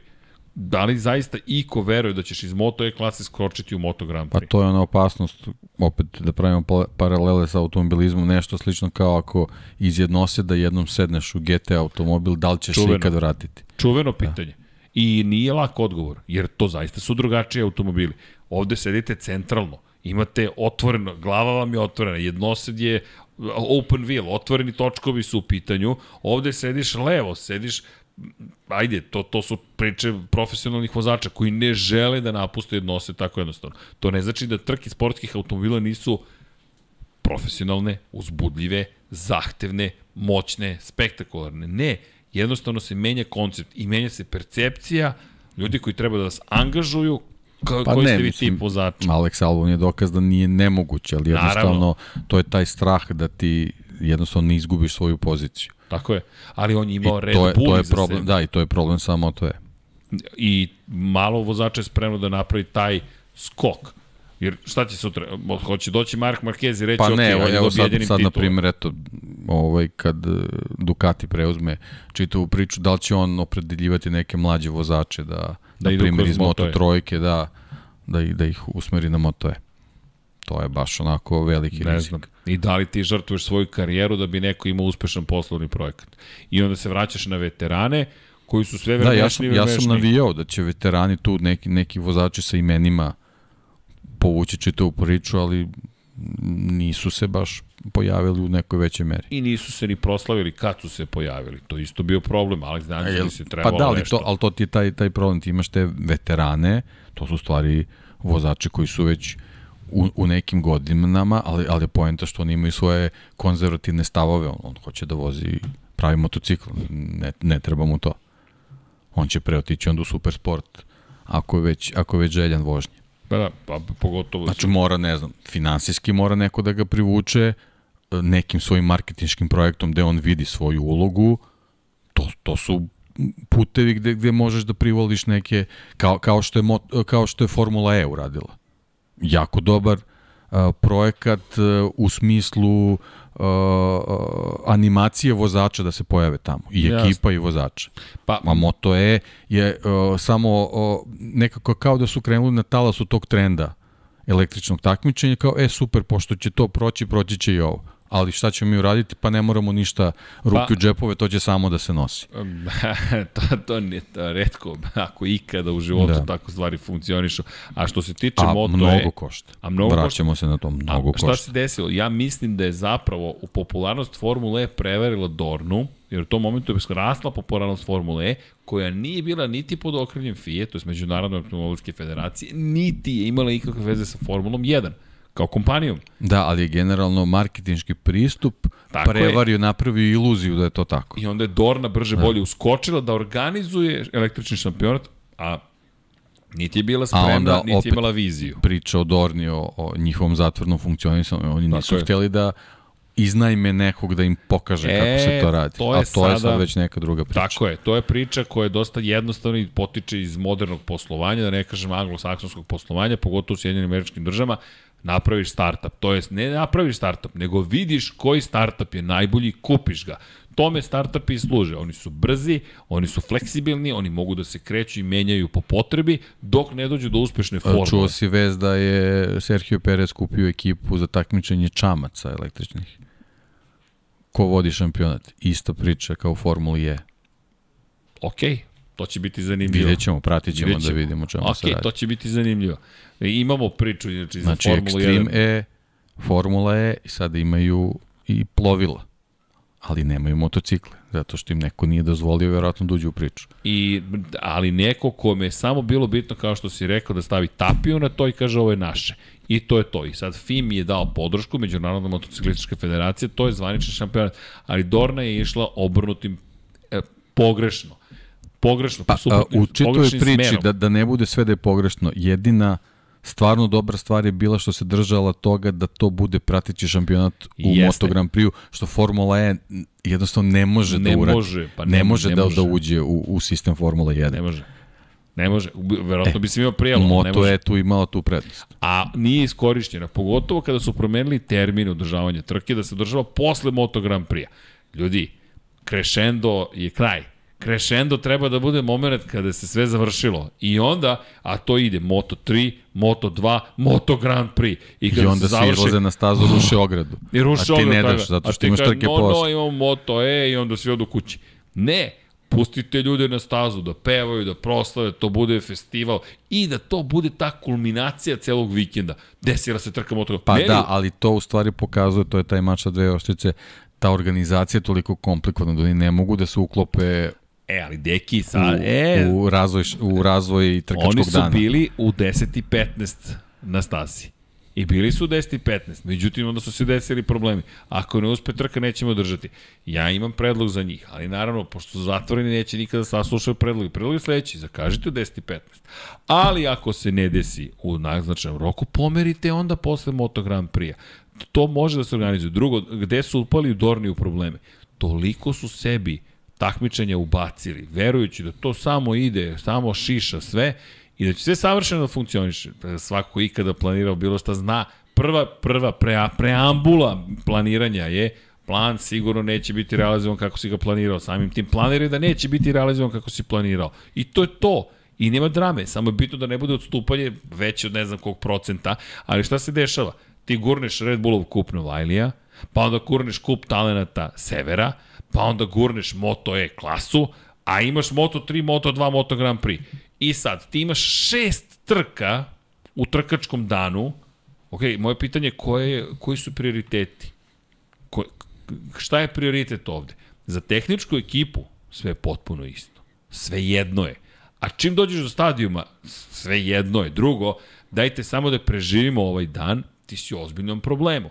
Jer ti si zapravo došao od toga da si rastegao sobstvene resurse i onda si trpe. A sigurno neće Moto Grand Prix žrtvovati koji donosi i najviše novce, koje je perjanica, lepo si rekao, nego će žrtvovati šta? Kup talenata Severa, Red Bull Kup Novajlija će najmanje žrtvovati, ne smije da rizikuju sa tako velikom korporacijom da uđu u sukob nepotreban i onda Moto je dođe kao, pa, okej, okay, ajde da ga održimo.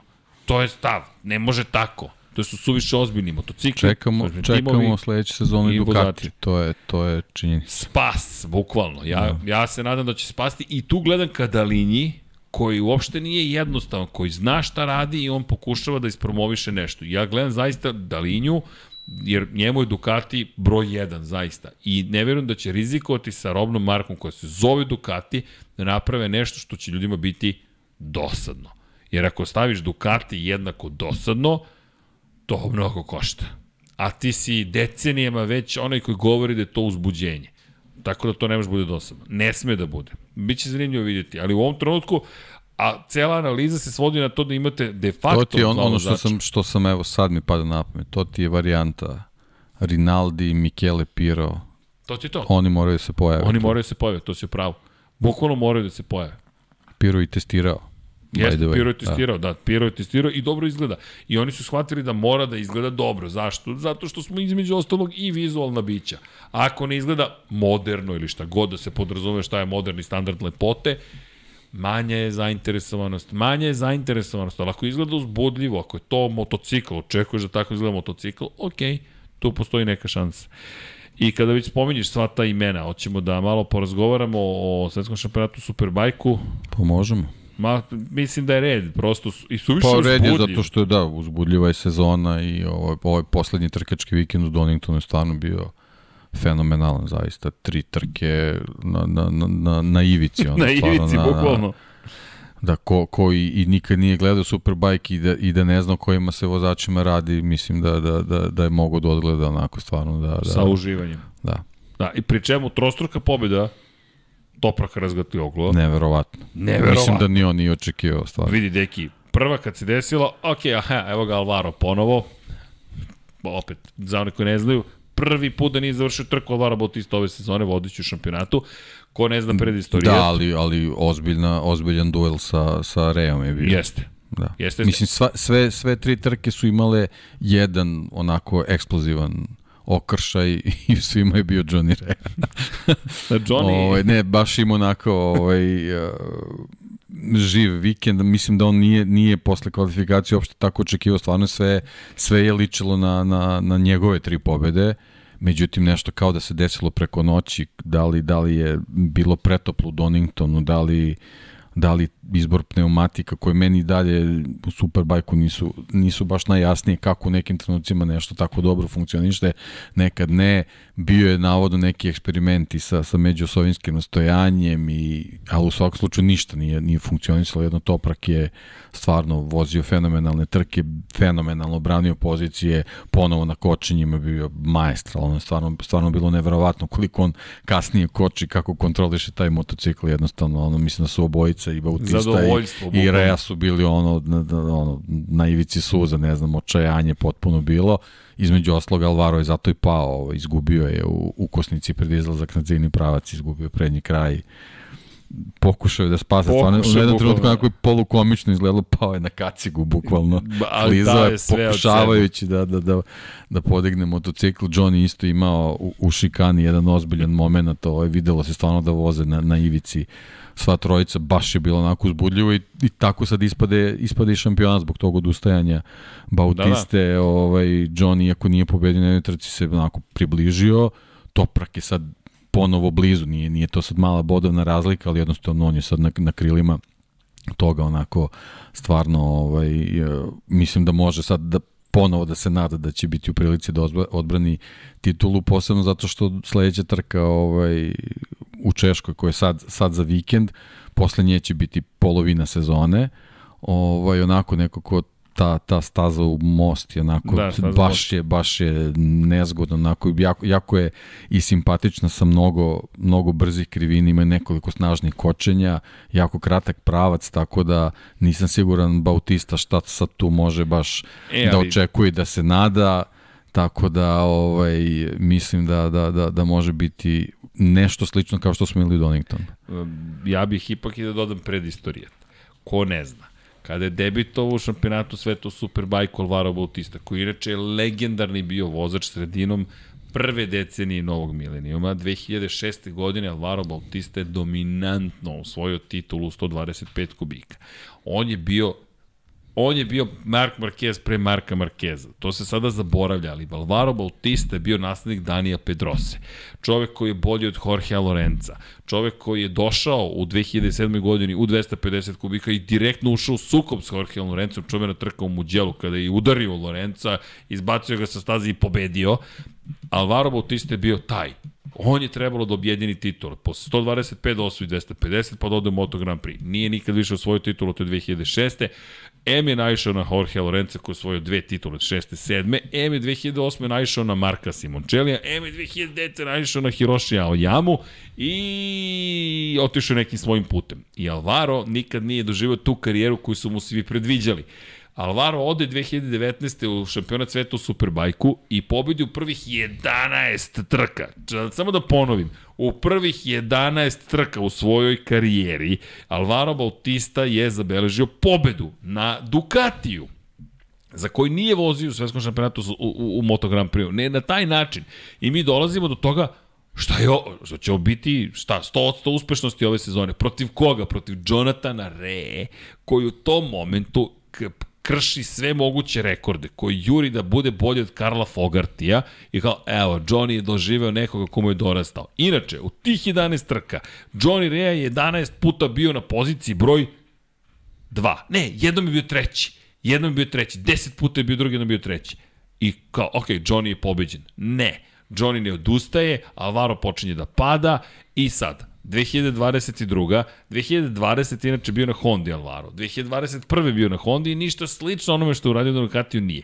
Dolazi ponovo na Ducati, počinje ponovo da vodi i sada pada i meni prolazi kroz glavu opet, opet i Alvaro koji je rekao naučili smo, ali ovo je prvi put sada u Doningtonu da ove godine nije zabeležio pobedu ni jednoj od tri trke tokom vikenda, tako da ne znam šta da očekujemo. Da, pri tom ali... si ide na stazu koja meni onako prilično liči, liči na, na Toprakovu stazu, a sa druge strane zvaničan rekord kruga drži Johnny Rea. Koji je potpisao novi dvogodišnji, dvogodišnji ugovor. Dvogodišnji ugovor sa Kawasaki, tako je.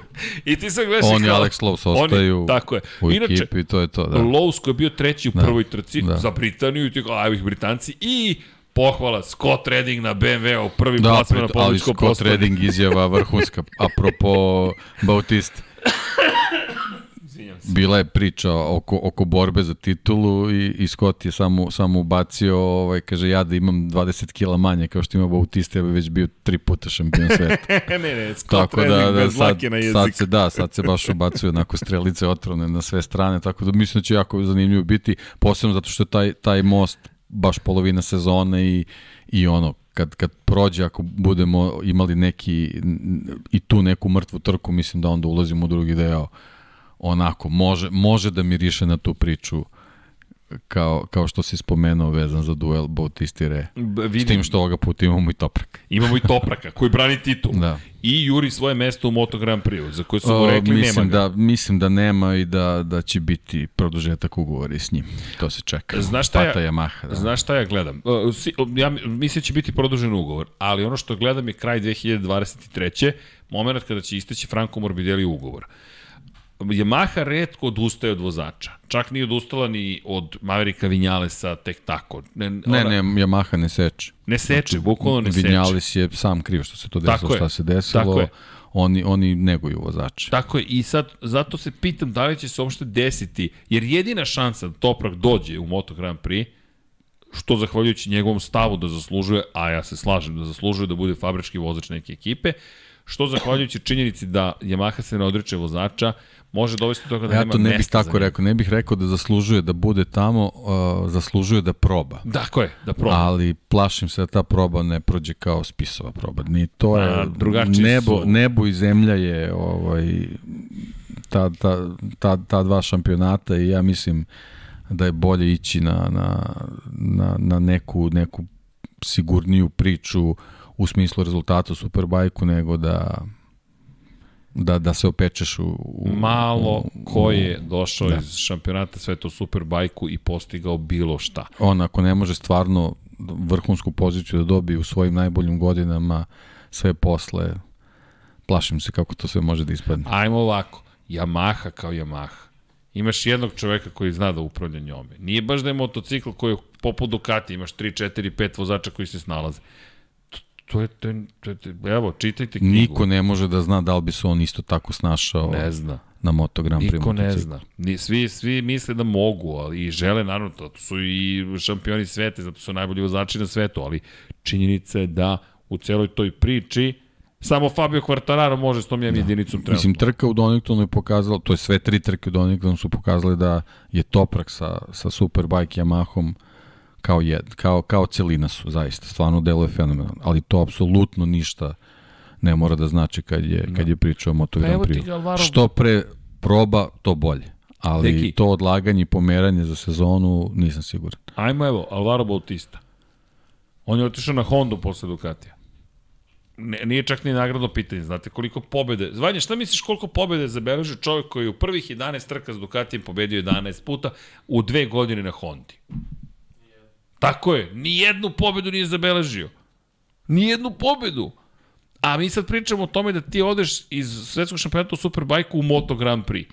Ljudi, Fabio je to lepo opisao. Ovo je mnogo tvrđi motor. Ovo je manje fleksibilan motor. To je rigidna mašina. Ljudi, to je pravljeno za, za nemoguću vožnju.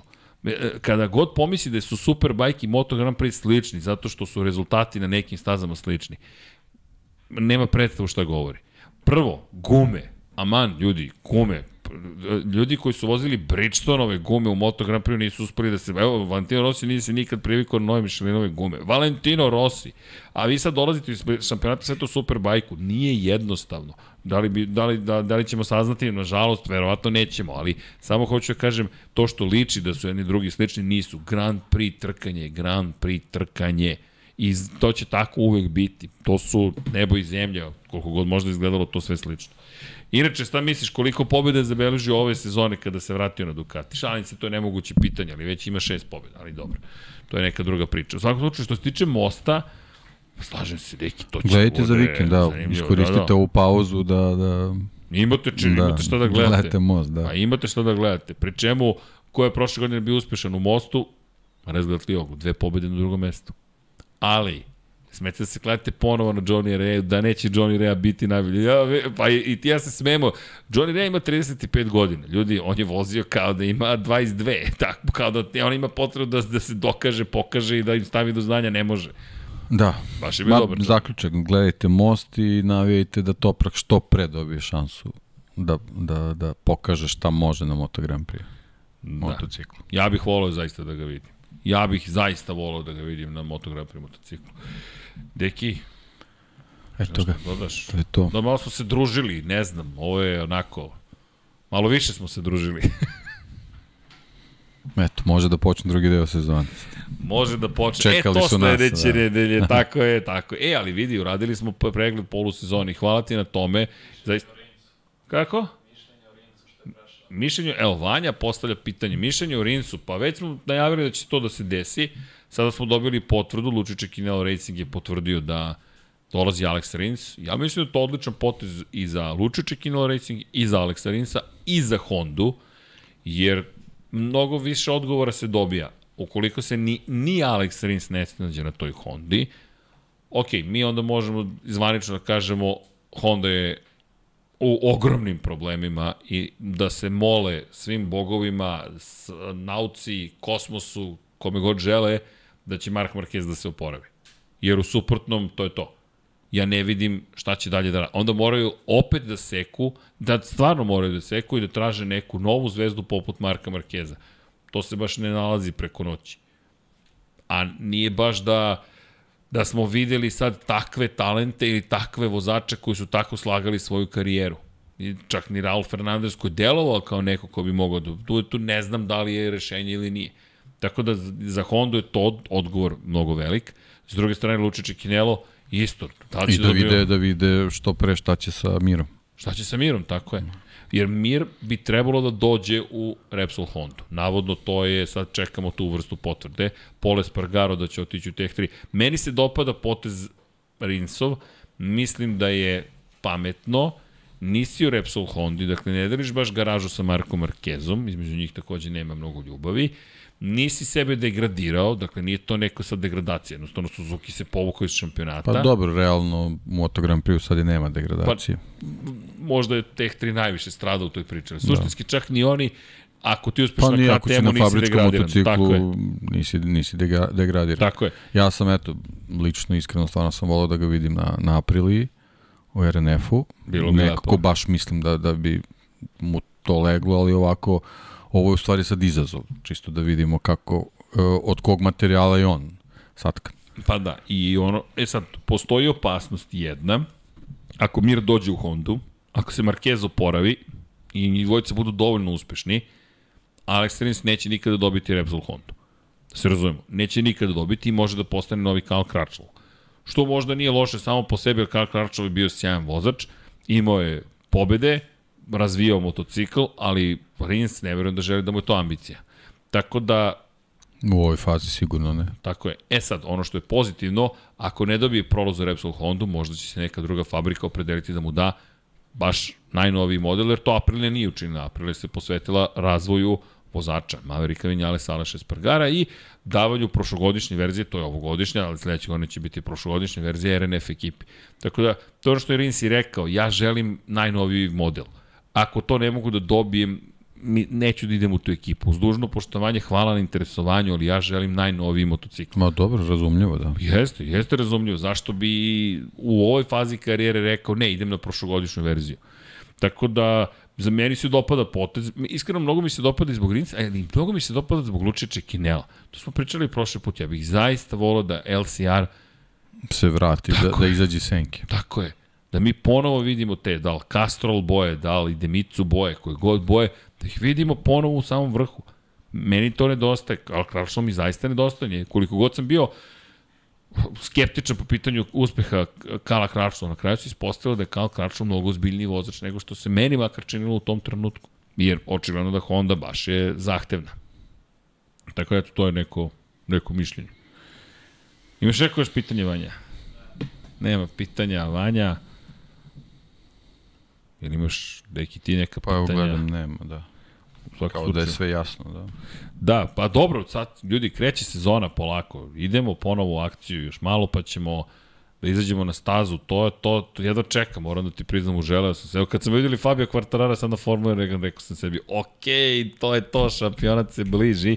Oni naravno svi treniraju uveliko, tako da eto, čekamo ih, to je, to je, to je nešto najlepše što možemo da kažemo, a naravno Formula 1 na jednom je visokom nivou trenutno, tako da ima, imamo uživanje iz te perspektive, s druge strane svetski šampionat u Superbajku je sjajan.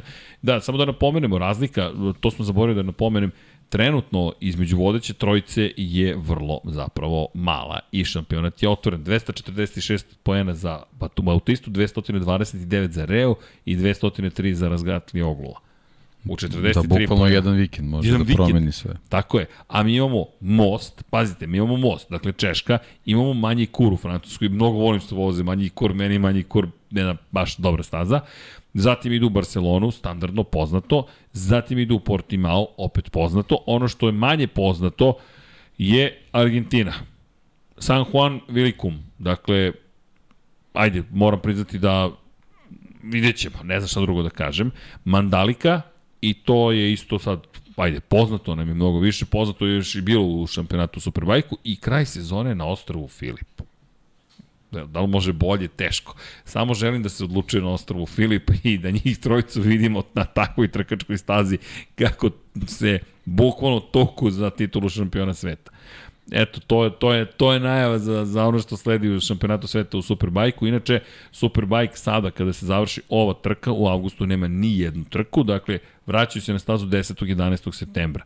Tako da znate, u avgustu nema Superbajka, oni prave svoju pauzu i idu na letovanja. I to bi bilo to za večeras. Vanja, slažeš sa nama? Imaš nešto da dodaš na celu ovu temu? Mislim da je sve rečeno. Deki, komitet članovi, imate nešto da kažete? Ne. Dobro. Onda da se zahvalimo još jednom svima koji nas pratite. Like, subscribe, shop.infinitylighthouse.com patreon.com kroz Infinity Lighthouse imate knjige, imate kačkete, imate majice, kviz Valentino Rossi u opisu samog videa već stoji, imate u četu, Ukoliko volite kosmos, imate gospodu iz Refraktora, pa posetite i njihov sajt, tako da znate. Ukoliko volite kosmos, posetite i naš shop, imate i svemirski teleskop, imate i klasičan kosmos. Ukoliko volite da čitate knjige, kao što smo rekli, imate ih dosta u našim izdanjima, a neke smo i uvezli. Stiže Grand Prix Guide za ljubitelje Formula 1, ljubitelji Moto Grand Prix-a, imate verziju za 2022. i trudit ćemo se svake godine da imamo sve više i više novih, tako da znate. A, ja bih da se posebno zahvalim onima koji su se učlanili na YouTube kanal zvani Infinity Lighthouse, kliknuli su dugme join ili učlani se ili šta već piše na kom jeziku, ne znam. Znam ove dve verzije, ali što god da piše jednostavno je kliknite i uživajte. Vladan Đurić, korespondent, korespondent, Kosta Berić, Žarko Jovanović, Mario Šomođi, Dejan Ilijev, Igor Ilić, Zlatko Marić, Galeksić, Milan Knežević, Aleks Vulović, Vuk, Milan Kokorus, Nemanja Cimbaljević, Bojan Pejković, Koja 7, Almir Vuk, Resničanin, Petar Bjelić, Kro Robi 0-0, Pavle Lukić, Nikola Božović, Marko Bogavac, Milorad Reljić, Andreja David, Nenad Lukić, Saša Stevanović, Toni Soni 76, Nikola Niksi, Branko Rašević, Nemanja Bračko, Nikola Grđan, Miloš Stanimirović, Vukašin Felbo, Voča Pero, Marko Stojiković, Bakadu, Bojan Gitarić, Ivan Magdalanić, Ivan Vujasinović, Tatjana Lemajić, Veselin Vukićević, Branislav Dević, Vukašin Vučenović, Almedin Ahmetović, Nemanja Labović, Aleksandar Kockar, Miloš Zed, LFC, Nikola Kojić, Nemanja Miloradović, Zvonimir Papić, Marina, Vlada Ivanović, Oliver Nikolić, Andrija Todorović, Jelena Jeremić, Aleksandar Nikolić, Lukas Kok, Nemanja, Bojan Markov i Danilo Petrović, to su ljudi koji nas podržavaju i na ovaj način. Inače uvijek možete da kliknete super hvala ili ti super thanks, možete da kliknete u četu na dugmenca označeno dolarom i kažete evo momci za kafu, za tortu. Znaš da su Luku i Kuzmu častili parčetom torte. Svaki čast. Tako da je da. Inače, ko voli košarku, pratite Luka i Kuzma, Jao, Mile, podcasti snimaju se ovde kod nas, imaju fenomenalne priče. Inače, Vanju ćete često sreći kod Luke i sresti kod Luke i Kuzme. Ko voli američki futbol, stiže sezona E, da te pitam, Julio, Julio Iones, Nije to taj Julio, kaže Vanja. Kaže Vanja, nije to taj Julio, ali dobro. U svakom slučaju stiže sezona američkog futbola NFL, tako da znate 99 yardi petkom možete da pratite. Naredne nedelje ne zaboravite, pričat ćemo o najavi ostatka sezona i imat ćemo kviz ovde 4. avgusta, tako da ćemo se zabavljati. Biće svega. U svakom slučaju, idemo ni naše dragi pokrovitelje, Patreone, Ivan Toškov prisutan, Odmah, hvala Ivane. like. Jedan fizički like i odavde.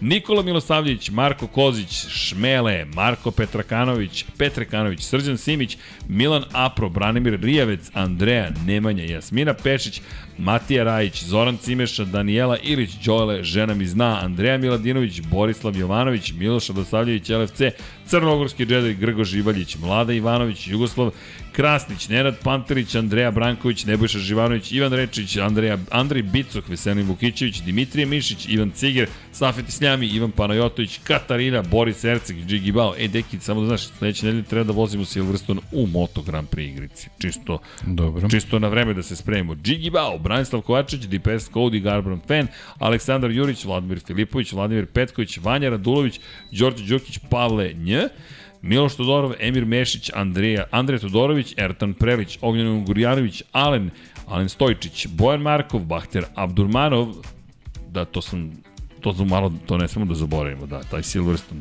to mi je sad u glavi. Predrag Pižurica, Dejan Đokić, Ferenc Laslov, Branko Bisački, Žarko Milić, Aleksandar M, Igor Gašparić, Vukašin Jekić, Branislav Marković Igor Vučković, Aca, Vizla, Dejan Vujović, Nemanja Zagorac, Aleksandar Antonović, Novak Tomić, Boris Kunđić, Tijena Vidanović, Aleksa Jelić, da žena ne sazna, Dušan Petrović, Lazar Pević, Stefane Deljković, Nemanja Jeremić, Zoran Majdov, Mihovil Stamičar, Nikola Stojanović, Senko Samarđić, Bojan Majstorović, Antonio Novak, Stefan Milošić, Miroslav Cvetić, Đole Bronkos, Ognjen Marinković, Vukašin Vučenović, Nemanja Miloradović, Marina Mihajlović, Dušan Ristić, Miloš Vuletić, Luka Maritašević, Zorana Vidić, Marko Horg, Boris Golubar, Mirina Živković, Josip Kovačić, Andrej Božo, Boris Gvozden, Nenad Simić, Petar Relić, Bojan Mijatović, zatim Milan Nešković, Borko Božurović, Marko Ćurčić, Mlađan Antić, Kristijan Šestak, Stefan Vidić, Ivan Žorž, Luka Saović, Jelena Mak, Goša 46, Kovačević Omer, Monika Erceg, Nenad Đorđević, Nikola Božinović, Filip, Mihajlo Krgović,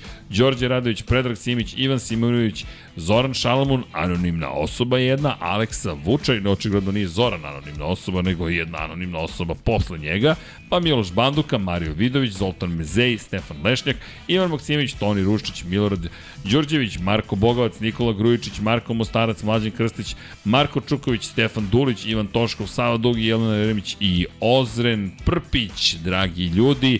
Inače, Ozren koji nas prati i podržava još od 8. marta 2021. godine. Ozrene, kad ćeš u studio na kraju univerzuma?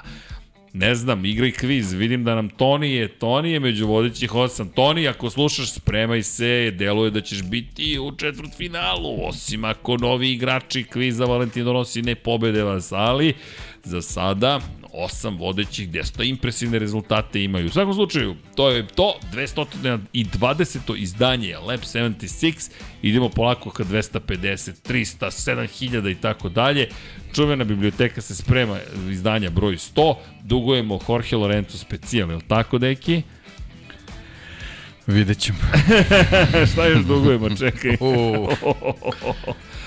Deki ima spisak. E, morat ću da pobegnem iz studija. Instant. U svakom slučaju. I koleginici iz proda. Imate vi neki spisak? Imate vi kolega neki spisak? Kako? Napisano je na Slacku. Dobro, hvala vam. U svakom slučaju, udrite like, udrite subscribe i ljudi, Ćao. Ćao svima. svima.